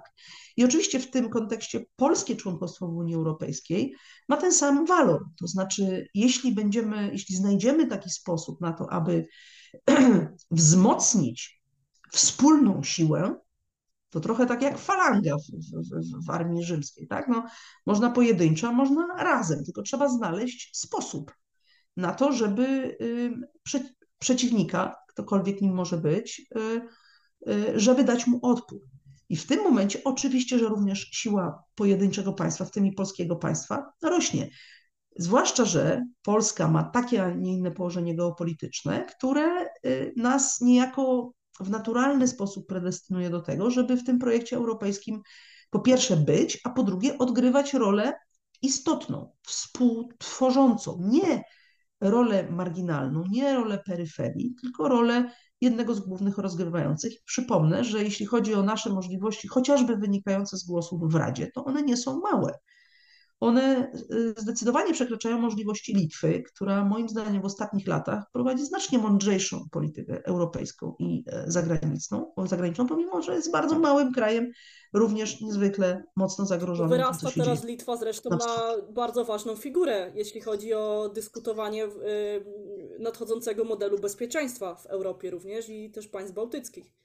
Właśnie, więc y, reasumując, uważam, że na następne 20 lat powinniśmy ponad podziałami politycznymi, pozbywając się emocji związanych z tym, co się dzieje w Polsce i dlaczego ktoś z kimś nie chce usiąść do jednego stołu w sprawach krajowych, powinniśmy rozmawiać o tym, w jaki sposób polskie państwo w długiej sekwencji, właśnie nie obliczonej na y, żadne wybory, tylko obliczonej na to, jak można realizować polską rację stanu i w wymiarze politycznym, i w wymiarze gospodarczym, bardzo istotnym, i w wymiarze bezpieczeństwa, które zresztą dzisiaj ma bardzo szerokie y, konotacje, nie tylko militarne bezpieczeństwo, y, to y, powinniśmy taką dyskusję przeprowadzić i znaleźć coś takiego dla nas, co mogłoby być równie skutecznym punktem odniesienia, jak przez lata dla nas były same chęci wejścia do NATO i do Unii Europejskiej, bo to pewnego rodzaju porządkowało nam scenę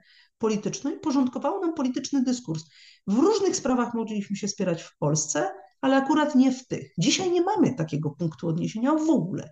I dlatego jesteśmy trochę jak taki pijany zając. Od ściany do ściany się obijamy. Od jednego poglądu do drugiego poglądu i od jednego roku do drugiego roku, co takie ruchy, właśnie dużo zmian, brak kontynuacji, brak w ogóle jakiejś strategicznej linii i niezgoda ponad podziałami co do tego, gdzie Polska w ogóle ma iść, jest absolutnie fatalna dla możliwości realizacji racji stanu państwa. Więc wydaje mi się, że tę dyskusją, którą dzisiaj prowadzimy, moglibyśmy spróbować trochę się przyczynić do tego, aby nawoływać, zwłaszcza po wyborach, do tego, żeby jednak uspokoić sytuację wokół polityki europejskiej i zagranicznej i spróbować wytyczyć sobie taki kurs. No to jest jedno z moich, e, z moich właśnie kolejnych pytań, żebyśmy właśnie spróbowali tak na zakończenie naszej dzisiejszej dyskusji spróbować wytyczyć takie kierunki, ale owszem, jak najbardziej jesteśmy otwarci na to, żeby taką dyskusję powtórzyć, właśnie w duchu, w duchu, w duchu pewnych propozycji. Natomiast e, pan profesor Grossa nadal z podniesioną ręką, panie profesorze, chciałabym e, wrócić do pana i zapytać w takim razie, bo mówi pan, że czeka Europę w jeśli pójdzie tą drogą, którą obrała teraz, czeka ją przyszłość, zostanie jakimś straszliwym monstrum, które będzie ograniczało coraz bardziej możliwości państw y, narodowych. A no to w, w, y, w takim razie, czy widzi Pan w najbliższym czasie możliwości dla Polski, żeby jednak jeszcze spróbować realizować te polskie interesy w ramach, w ramach struktur unijnych? Jest taka możliwość? Jak najbardziej. I zanim dojdę do odpowiedzi na to pytanie, to jeszcze ad vocem. W stosunku do tych mm, wszystkich poprzednich mm, uwag i wypowiedzi, które moim zdaniem zresztą były bardzo ciekawe i inspirujące. Ale przynajmniej część spośród poglądów, które usłyszeliśmy, moim zdaniem mm, jest niezgodna z rzeczywistością. Być może ona była zgodna w jakimś tam stopniu jeszcze 20 e, lat temu, ale dzisiejsza Europa, Europa kryzysów, jest jednak inna. I jako e, pierwszy przykład e, słowa pana posła Pawła Zaleskiego, że logika integracji europejskiej jest win-win. Otóż od czasów kryzysu w strefie euro trudno zgodzić się z tym stwierdzeniem. Czy przykładowo Grecy tak samo korzystają na członkostwie w Unii Walutowej jak Niemcy i Niderlandy. No chyba nie mamy najmniejszych wątpliwości, że Niemcy tracą, y, i to pokazują wszystkie badania ekonomiczne, na członkostwie w Unii Walutowej. Że Grecy A jest to, jest to sztandarowy projekt integracji europejskiej. Druga teza pana posła Zalewskiego, bardzo moim zdaniem kontrowersyjna. E, Komisja Europejska jako obrońca najsłabszych państw członkowskich, e, która nie sprzyja interesom najsilniejszych, czyli Francji i Niemiec. Otóż znowuż, być może 20 lat temu to było jeszcze w jakimś tam stopniu prawdziwe, ale dzisiaj po tym również polskim doświadczeniu, czyli po tym ataku e, na po, po, polski rząd w ostatnich latach, ze strony Komisji Europejskiej przy wsparciu jednak e, e, rządów Francji i Niemiec. Bardzo, bardzo wyraźne. Nie tylko, nie tylko dlatego, że jak to określiła pani e, doktor Małgosia Bonikowska, polski rząd łamał reguły gry, ale również dlatego, że to był rząd konserwatywny, i dodatkowo z alternatywną wizją przyszłości Unii Europejskiej. Nie tak, nie, niezgodną, czy wręcz przeciwstawną e, wizji e, niemieckiej i francuskiej. Więc, e, więc trzeba zobaczyć to drugie dno tego ataku. I to na pewno nie było wsparcie dla słabszych rządów z naszej części Europy, tylko wręcz przeciwnie. Kilka krajów Europy Środkowej było atakowanych Zresztą nie tylko nasze kraje. Przypomnijmy sobie sytuację z Włoch. Jak tylko doszedł rząd pani Meloni, e, konserwatystów, tak, to natychmiast, natychmiast usłyszeliśmy od pani von der Leyen informację, że my mamy sposoby, żeby ich uciszyć, że my mamy sposoby, żeby, e, żeby ich spacyfikować. E, jak pan profesor Czaputowicz powiedział o tym, że nie możemy mieć odpowiedniej liczby urzędników w Brukseli. Dlaczego? Dlatego, że Polacy kojarzeni z rządem konserwatywnym są. No przecież to jest najlepszy obraz, jak działa pani von der Leyen i cała komisja. Działa na zasadzie presji za poglądy polityczne, presji wywieranej za poglądy polityczne i to jest moim zdaniem coś, co jest yy, obrazem dzisiejszej Unii Europejskiej, ale sprzeczne choć, chociażby z zasadami demokracji, no bo w ramach demokracji nie można karać za poglądy konserwatystów, nie można karać e, na przykład za poglądy, jeśli chodzi o inne ścieżki integracji europejskiej, że jest tylko jedna bezalternatywna wizja, którą proponują e, akurat Niemcy i Francuzi. I ona jest tylko proeuropejska. Wszyscy inni są populistami, autokratami i tak dalej. Otóż Uważam, że to, że to jest bardzo poważna rysa na dzisiejszej Unii Europejskiej. Kolejna uwaga, e, która się pojawiała w wielu wypowiedziach, że nasz rząd jest agresywny, populistyczny, autokratyczny, skłócony z wszystkimi i tak. Jak Francja i Niemcy wykorzystuje prawo weta, blokuje decyzje w Unii Europejskiej, nikt nie krytykuje ich w ten sam sposób jak Orbana albo jak, jak Morawieckiego. E, I kolejna rzecz. Proszę Państwa, ja się zgadzam z tym, co powiedziała pani doktor Bonikowska. Mamy prawo grać zgodnie z regułami, a weto jest regułą. To nie jest przekraczanie reguł traktatowych. Weto jest w pewnych okolicznościach zgodne z traktatem. Mało tego, moja krytyka z mojego tekstu, jeśli chodzi o zachowanie polskiego rządu, dotyczyła tego, że właśnie za mało wetował. Za mało był tym rządem agresywnym na arenie europejskim, europejskiej, czyli za bardzo ustępował pod presją Francji, Niemiec czy też Komisji Europejskiej. I ostatnia uwaga i odpowiedź jednocześnie na pytanie, które zostało zadane. Otóż ja jednak uważam, że Niemcy lansują pewną wizję przyszłości integracji europejskiej, która oczywiście jest korzystna dla ich interesów. Ona niestety wiąże się z pewnymi tendencjami centralizacyjnymi i federalizacyjnymi. Uważam, że ona nie jest korzystna dla Polski, nie jest korzystna dla Europy Środkowej, a na sam koniec może się okazać niekorzystna dla całej Unii Europejskiej. Czyli te tendencje kryzysowe i dezintegracyjne, z którymi się borykamy od kilkunastu lat, one się wzmocnią pod wpływem forsowania w sposób siłowy poprzez sankcje, poprzez presję normatywną jedynej, bezalternatywnej wizji, która, która no jednak ma swoje korzenie w, w Berlinie i w Paryżu. Uważam, że nie, nie powinniśmy siedzieć bezczynnie. Ta wizja polskich konserwatystów, alternatywna, jeśli chodzi o przyszłość Unii Europejskiej, bardziej demokratyczna, bardziej zdecentralizowana, bardziej subsydiarna, ona jest lepsza. Na czas tak silnych napięć, z którymi mamy do czynienia, ona jest lepsza niż rozwiązywanie siłowe poprzez sankcje, poprzez, poprzez różnego rodzaju kary i tak dalej. Tylko mój zarzut do polskiego rządu aktualnego jest, tak, ta, jest taki.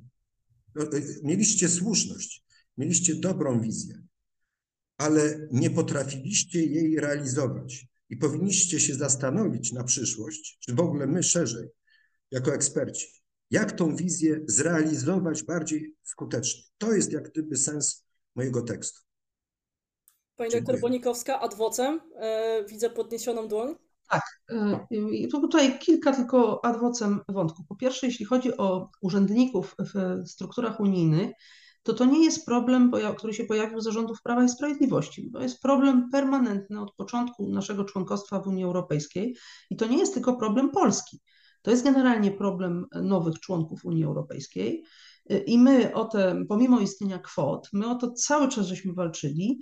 Nie, nie zauważam naprawdę y, tutaj y, ideologicznego y, działania wewnątrz instytucji unijnych. Zauważam natomiast zjawisko polegające na tym, że jest to stara biurokracja, co nie jest dobre dla Unii Europejskiej, która w pewnym sensie okopuje się na tym, co ma, i ciężko jest wejść w te miejsca nowym, czy tym, którzy mają krótszy staż. Żeby to się udało, y, potrzeba bardzo dużej i konsekwentnej współpracy, właśnie współpracy politycznej, nacisków polskiego państwa, bez względu na to, kto rządzi. Y, Oraz jak mamy już tych urzędników na różnych stanowiskach, to patrzmy, jak działają inne grupy narodowe. Na przykład Włosi słyną z tego, czy Hiszpanie, czy też Niemcy, oni po prostu pomagają kolegom. I to jest taka brutalna znowu, ja nie chcę trywializować wszystkiego, ale, no naprawdę, dlaczego Polacy nie potrafią współpracować po to, żeby jak jest jeden Polak wyżej, to żeby drugi Polak również zaszedł wyżej. U nas jest coś wręcz przeciwnego, jest przeszkadzanie albo przynajmniej nieinteresowanie się, niechęć pomocy.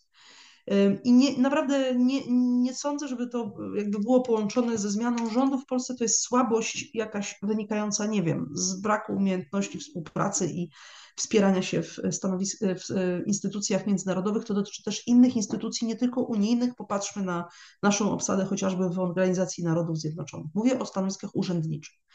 Drugie adwocem to, to są mapy mentalne. To znaczy, ja uważam, że istnieje coś takiego i to jest dla Polaków oczywiście trudne do zaakceptowania, bo my mamy swoje wyobrażenie Polski inne. My widzimy siebie jako kraj duży i wpływowy, kraj, którego siła rośnie. Tak powinno być. Natomiast mapy mentalne zachodniej Europy tak nas nie widzą, natomiast mogą na, nas tak zacząć postrzegać z biegiem lat. Percepcja się zmienia znacznie wolniej niż rzeczywistość, i dlatego ja uważam, że lepsza jest droga, no daleko nie szukać, nawet Chiny. Popatrzmy, że oni mało mówili, a dużo robili. I dopiero jak stali się naprawdę potęgą, no to zaczęli y, projekcję sił. My w połowie drogi stanęliśmy, jeszcze naprawdę nam daleko do jakiejś y, europejskiej potęgi, a za to już bardzo o tym dużo mówimy. Tak nie zmienimy percepcji Polski. My wystartowaliśmy z poziomu, o tym się często mówi, gospodarczego, podobnego do Ukrainy, doszliśmy do poziomu dzisiaj Portugalii. Żeby dojść do poziomu Francji, czy nawet Włoch, musimy pracować drugie 20 lat. I być może do tego dojdziemy, ale to nie jest jeszcze ten moment. Więc wydaje mi się, że mm, retoryka, która jakby obliczona jest na to, żeby nas wreszcie dostrzeżono i zaakceptowano naszą wielkość, nie jest najlepszą drogą do tego, żeby zmienić percepcję zachodniej Europy, tego czym jest Polska, bo to, że na początku e, ta percepcja oczywiście była nierówna, jest prawdą. Jest nam ciężko oczywiście to zaakceptować, ale tego się nie zmieni um, szybko. I trzecia, ostatnia uwaga to jest, że um, no, w polityce europejskiej, w polityce zagranicznej liczą się na koniec dnia fakty. Politykę mierzy się przez efektywność. Efektywność mierzy się przez to, co się udało zrobić, a nie to, co się udało powiedzieć. Ja uważam, że polska polityka, i tu bez względu na to, kto rządzi, grzeszy tym, że my budujemy sobie pewnego rodzaju słowne wyobrażenie o tym, jak jest. Natomiast y, fakty y, w dużej części przypadków nie potwierdzają tej retoryki. I wydaje mi się, że y, ja bym apelowała do, do całej naszej klasy politycznej, żeby robić odwrotnie, żeby zwracać uwagę na to, aby się tam nie konfliktować, to nie jest potrzebne, żeby nie wchodzić w potyczki słowne, gdzie można być dyplomatycznym, zwłaszcza jak mówimy cały czas przecież o dyplomacji, bo polityka zagraniczna to jest sztuka dyplomacji, polityka europejska to też jest sztuka dyplomacji. Natomiast upierać się wtedy, kiedy mamy na stole twarde rzeczy, o które walczymy. I ja mam wrażenie, że w części spraw jest dokładnie odwrotnie. Pomimo tego, że czasami retoryka jest bardzo radykalna, to potem jesteśmy przypierani do muru i, tak jak tutaj też było wspomniane, odpuszczamy tak naprawdę całkowicie. Ja tak widzę na przykład y, próbę sforcowania tej bariery, jaką postawiła Komisja Europejska wobec KPO. No tak naprawdę, żeśmy pisali ustawę razem z członkami Komisji Europejskiej. Ja bym nie chciała, żeby tak wyglądała y, ostateczna Y, finalizacja naszego programu odbudowy. Wolałabym, żebyśmy już dawno ten program mieli w trakcie realizacji, żeby Polska jakby, jakby dzięki tym pieniądzom realizowała swoje strategiczne interesy. Więc naprawdę wydaje mi się, że 20 lat to już jest taki wiek w tej organizacji, w którym powinniśmy wykazać, to mówię o całej klasie politycznej, nie o jakimś konkretnym ugrupowaniu. My naprawdę powinniśmy zacząć wykazywać dojrzałość i umiejętność po prostu profesjonalnej, lepszej, bardziej, bardziej wykorzystującej nasze możliwości gry w tej organizacji. Pani doktor tutaj e, przywołała coś, co ambasador Jerzy Marek Nowakowski na, na naszej antenie wielokrotnie nazywał polityką operową prowadzoną przez polskie władze, że my długo wyśpiewujemy to, że nas gonią, zaraz nas złapią, ale tak naprawdę stoimy w miejscu i nie robimy nic. I to być może ten nadmiar słów i, i, i, i ta pewna taka symboliczne właśnie rozdzieranie szat być może jest elementem tej polityki. Ale panie Robercie, wracamy w takim razie do Pana, bo mogę tylko pogratulować tekstu, który dzisiaj wzbudził tak ciekawą dyskusję, e, która za nami e, dobiega już końca, ale chciałabym w takim razie zapytać Pana, bo z drugiej strony na łamach Nowej Konfederacji też wielokrotnie mówimy o tym, że Ukraina ciąży w kierunku struktur Zachodu, tak, że jednak powinniśmy też być pewnie, w pewnym sensie takim adwokatem mm, uczestnictwa Ukrainy w tych strukturach. No ale dzisiaj ta wizja Unii Europejskiej, ja sobie wynotowałam tutaj kilka, kilka, kilka, kilka określeń. Tendencje kryzysowe, wizje bezalternatywne, dyktat Bary, e, e, Paryża i Berlina, e, federalizacja, e, coraz większa władza instytucji europejskich. No to panie Robercie, po co w takim razie Ukrainie taka Unia Europejska? Jak rozumiem, to nie są cytaty wszystkie z mojego tekstu, tak? Nie, nie, nie, to są, to są, to są cytaty z dyskusji dzisiejszej, które... No właśnie.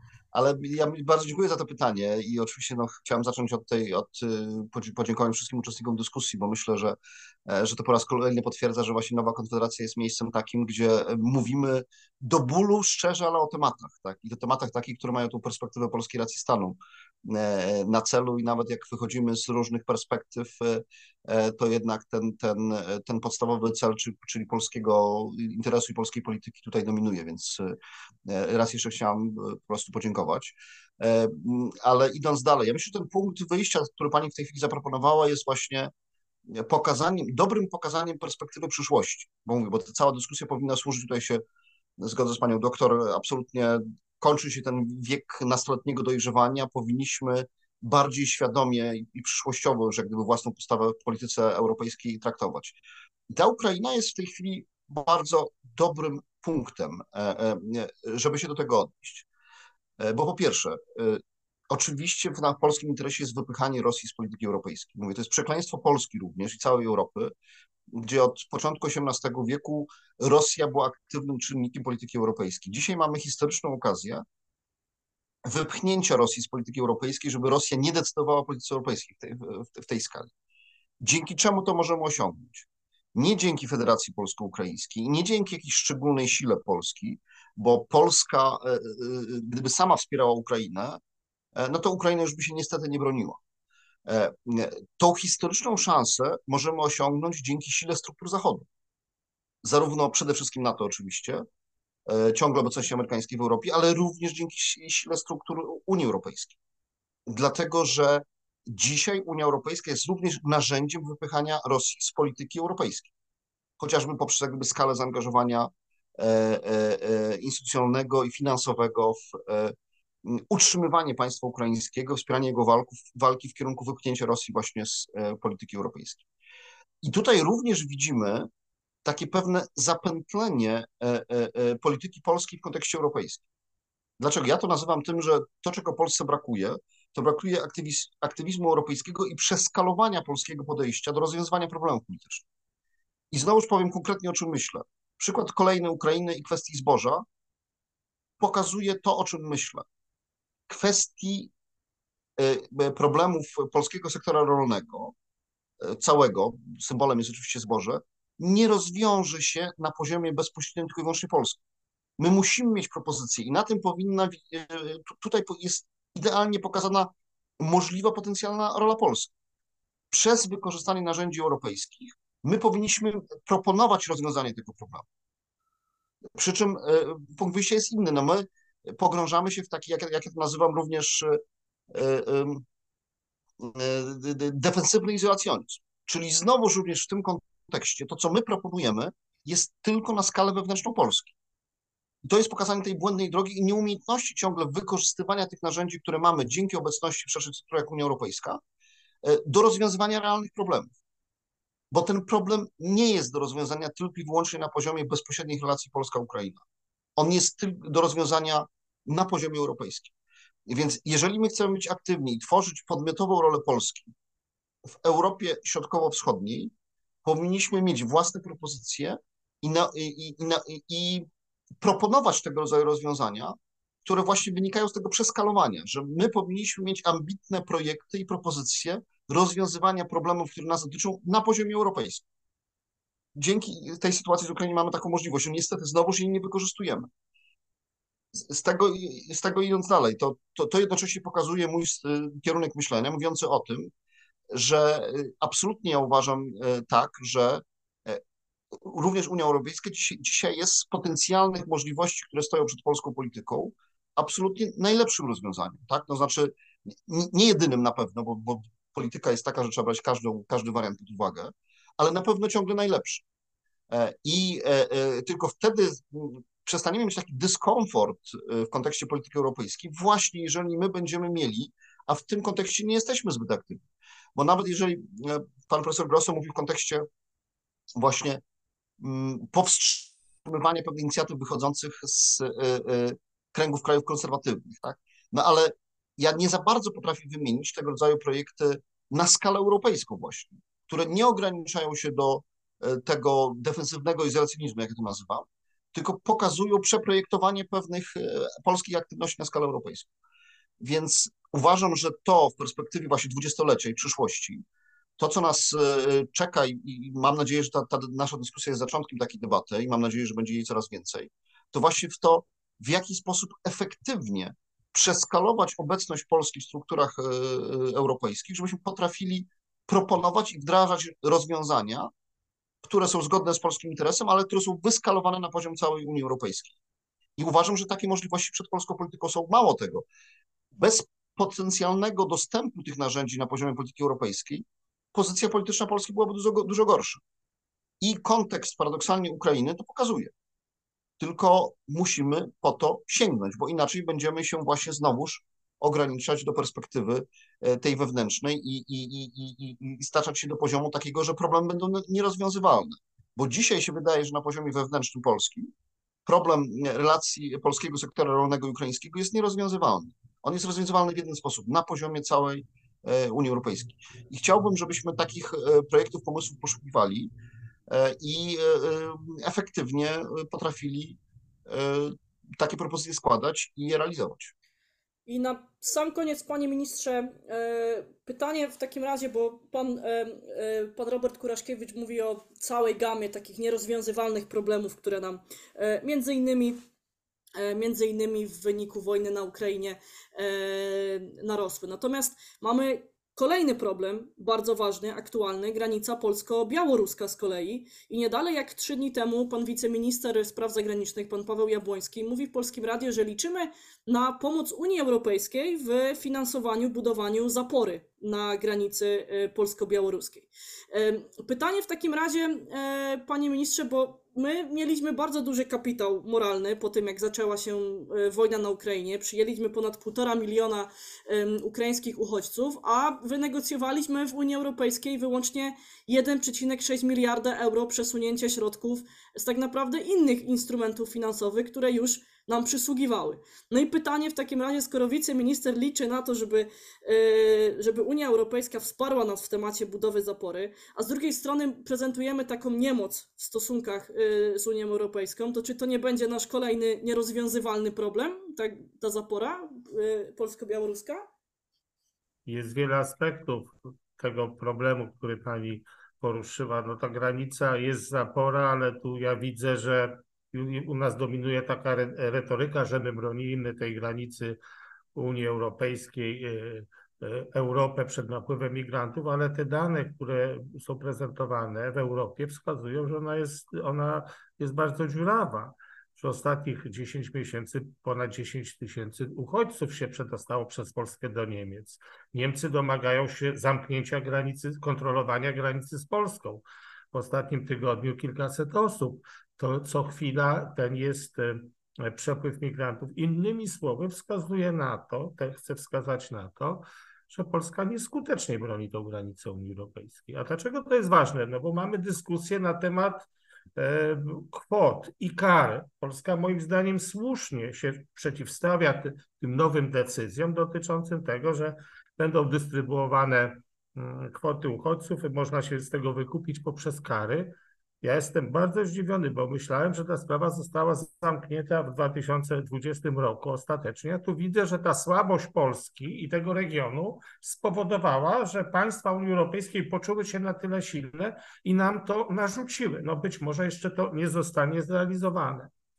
Ale jest wyczuwalny w Unii Europejskiej fałsz w głosie polskich polityków i tu też się odnoszę do pana, wypowiedzi pana Roberta Kuraszkiewicza, że my powinniśmy różne projekty prezentować. Ja pamiętam projekt konserwatywny do zorganizowana debata e, w Warszawie z udziałem Le Pen, Salviniego, Orbana, która nie była poważna, bo to nie była instytucja e, państwowa, tylko to było patrzenie na Unię Europejską nie z perspektywy interesów państw, ale z interesów partyjnych, takich ideologicznych. Nie, my powinniśmy, dyplomacja musi się zajmować polityką państwową. Nie zawsze to, co prawicowe, konserwatywne jest w interesie naszego państwa i to trzeba rozróżniać. Inne państwa to rozróżniają. Czyli tutaj mamy pewien błąd. Spojrzenie ideologiczne, a nie geopolityczne z perspektywy interesu państwa. Ale ten główny problem polega na tym, że polska klasa e, polityczna przyjęła taki paradygmat, że my powinniśmy walczyć o nasze miejsce, przeciwstawiając się tym dużym państwom, tu gdzie możemy, żebyśmy byli uciążliwi, bo dzięki temu coś uzyskamy. I pan e, Robert e, Kuraszkiewicz słusznie mówi, że nie ma tych inicjatyw, ale ja powiem to bardzo tak powiem prosto. Nie, nie, panie Robercie to jest poniżej polskiej godności, żebyśmy my coś prosili Unię Europejską. A jeżeli my to robimy nie po to, żeby coś załatwić, Unia Europejska to wie, tylko po to, żeby coś wyrwać albo postawić w złym, w złym świetle tą Unię Europejską, tego przeciwnika, żeby zastosować taki shaming, skrytykować. I tam się świetnie wyczuwa, czy my rzeczywiście szukamy porozumienia, konsensusu, chcemy coś dobrego dla Polski, dla Unii Europejskiej, czy tylko my chcemy po prostu zaszkodzić, bo dzięki temu my wypłyniemy. I te różne nasze inicjatywy, począwszy od reparacji, inne e, tego typu krytyki, one temu służą.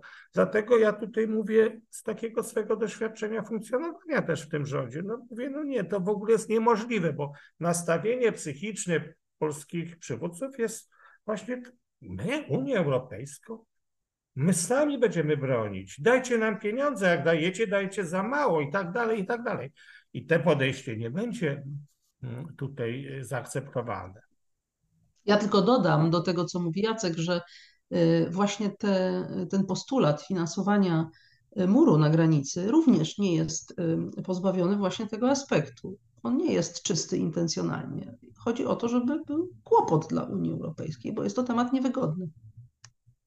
Szanowni Państwo, bardzo serdecznie Państwu dziękuję za udział w dzisiejszej dyskusji. Yy, co prawda nasza rozmowa się dzisiaj kończy, ale już pani doktor Bonikowska zasygnalizowała, że to jest temat na kolejne 20 lat, więc myślę, że nie zabraknie nam okazji do spotkań. Yy, ja Państwu bardzo serdecznie dziękuję za dzisiaj. Miałam przyjemność rozmowy z panem profesorem Jackiem Czaputowiczem, panem profesorem Tomaszem Grosse, panią doktor Małgorzatą Bonikowską i z panem Robertem Kuraszkiewiczem.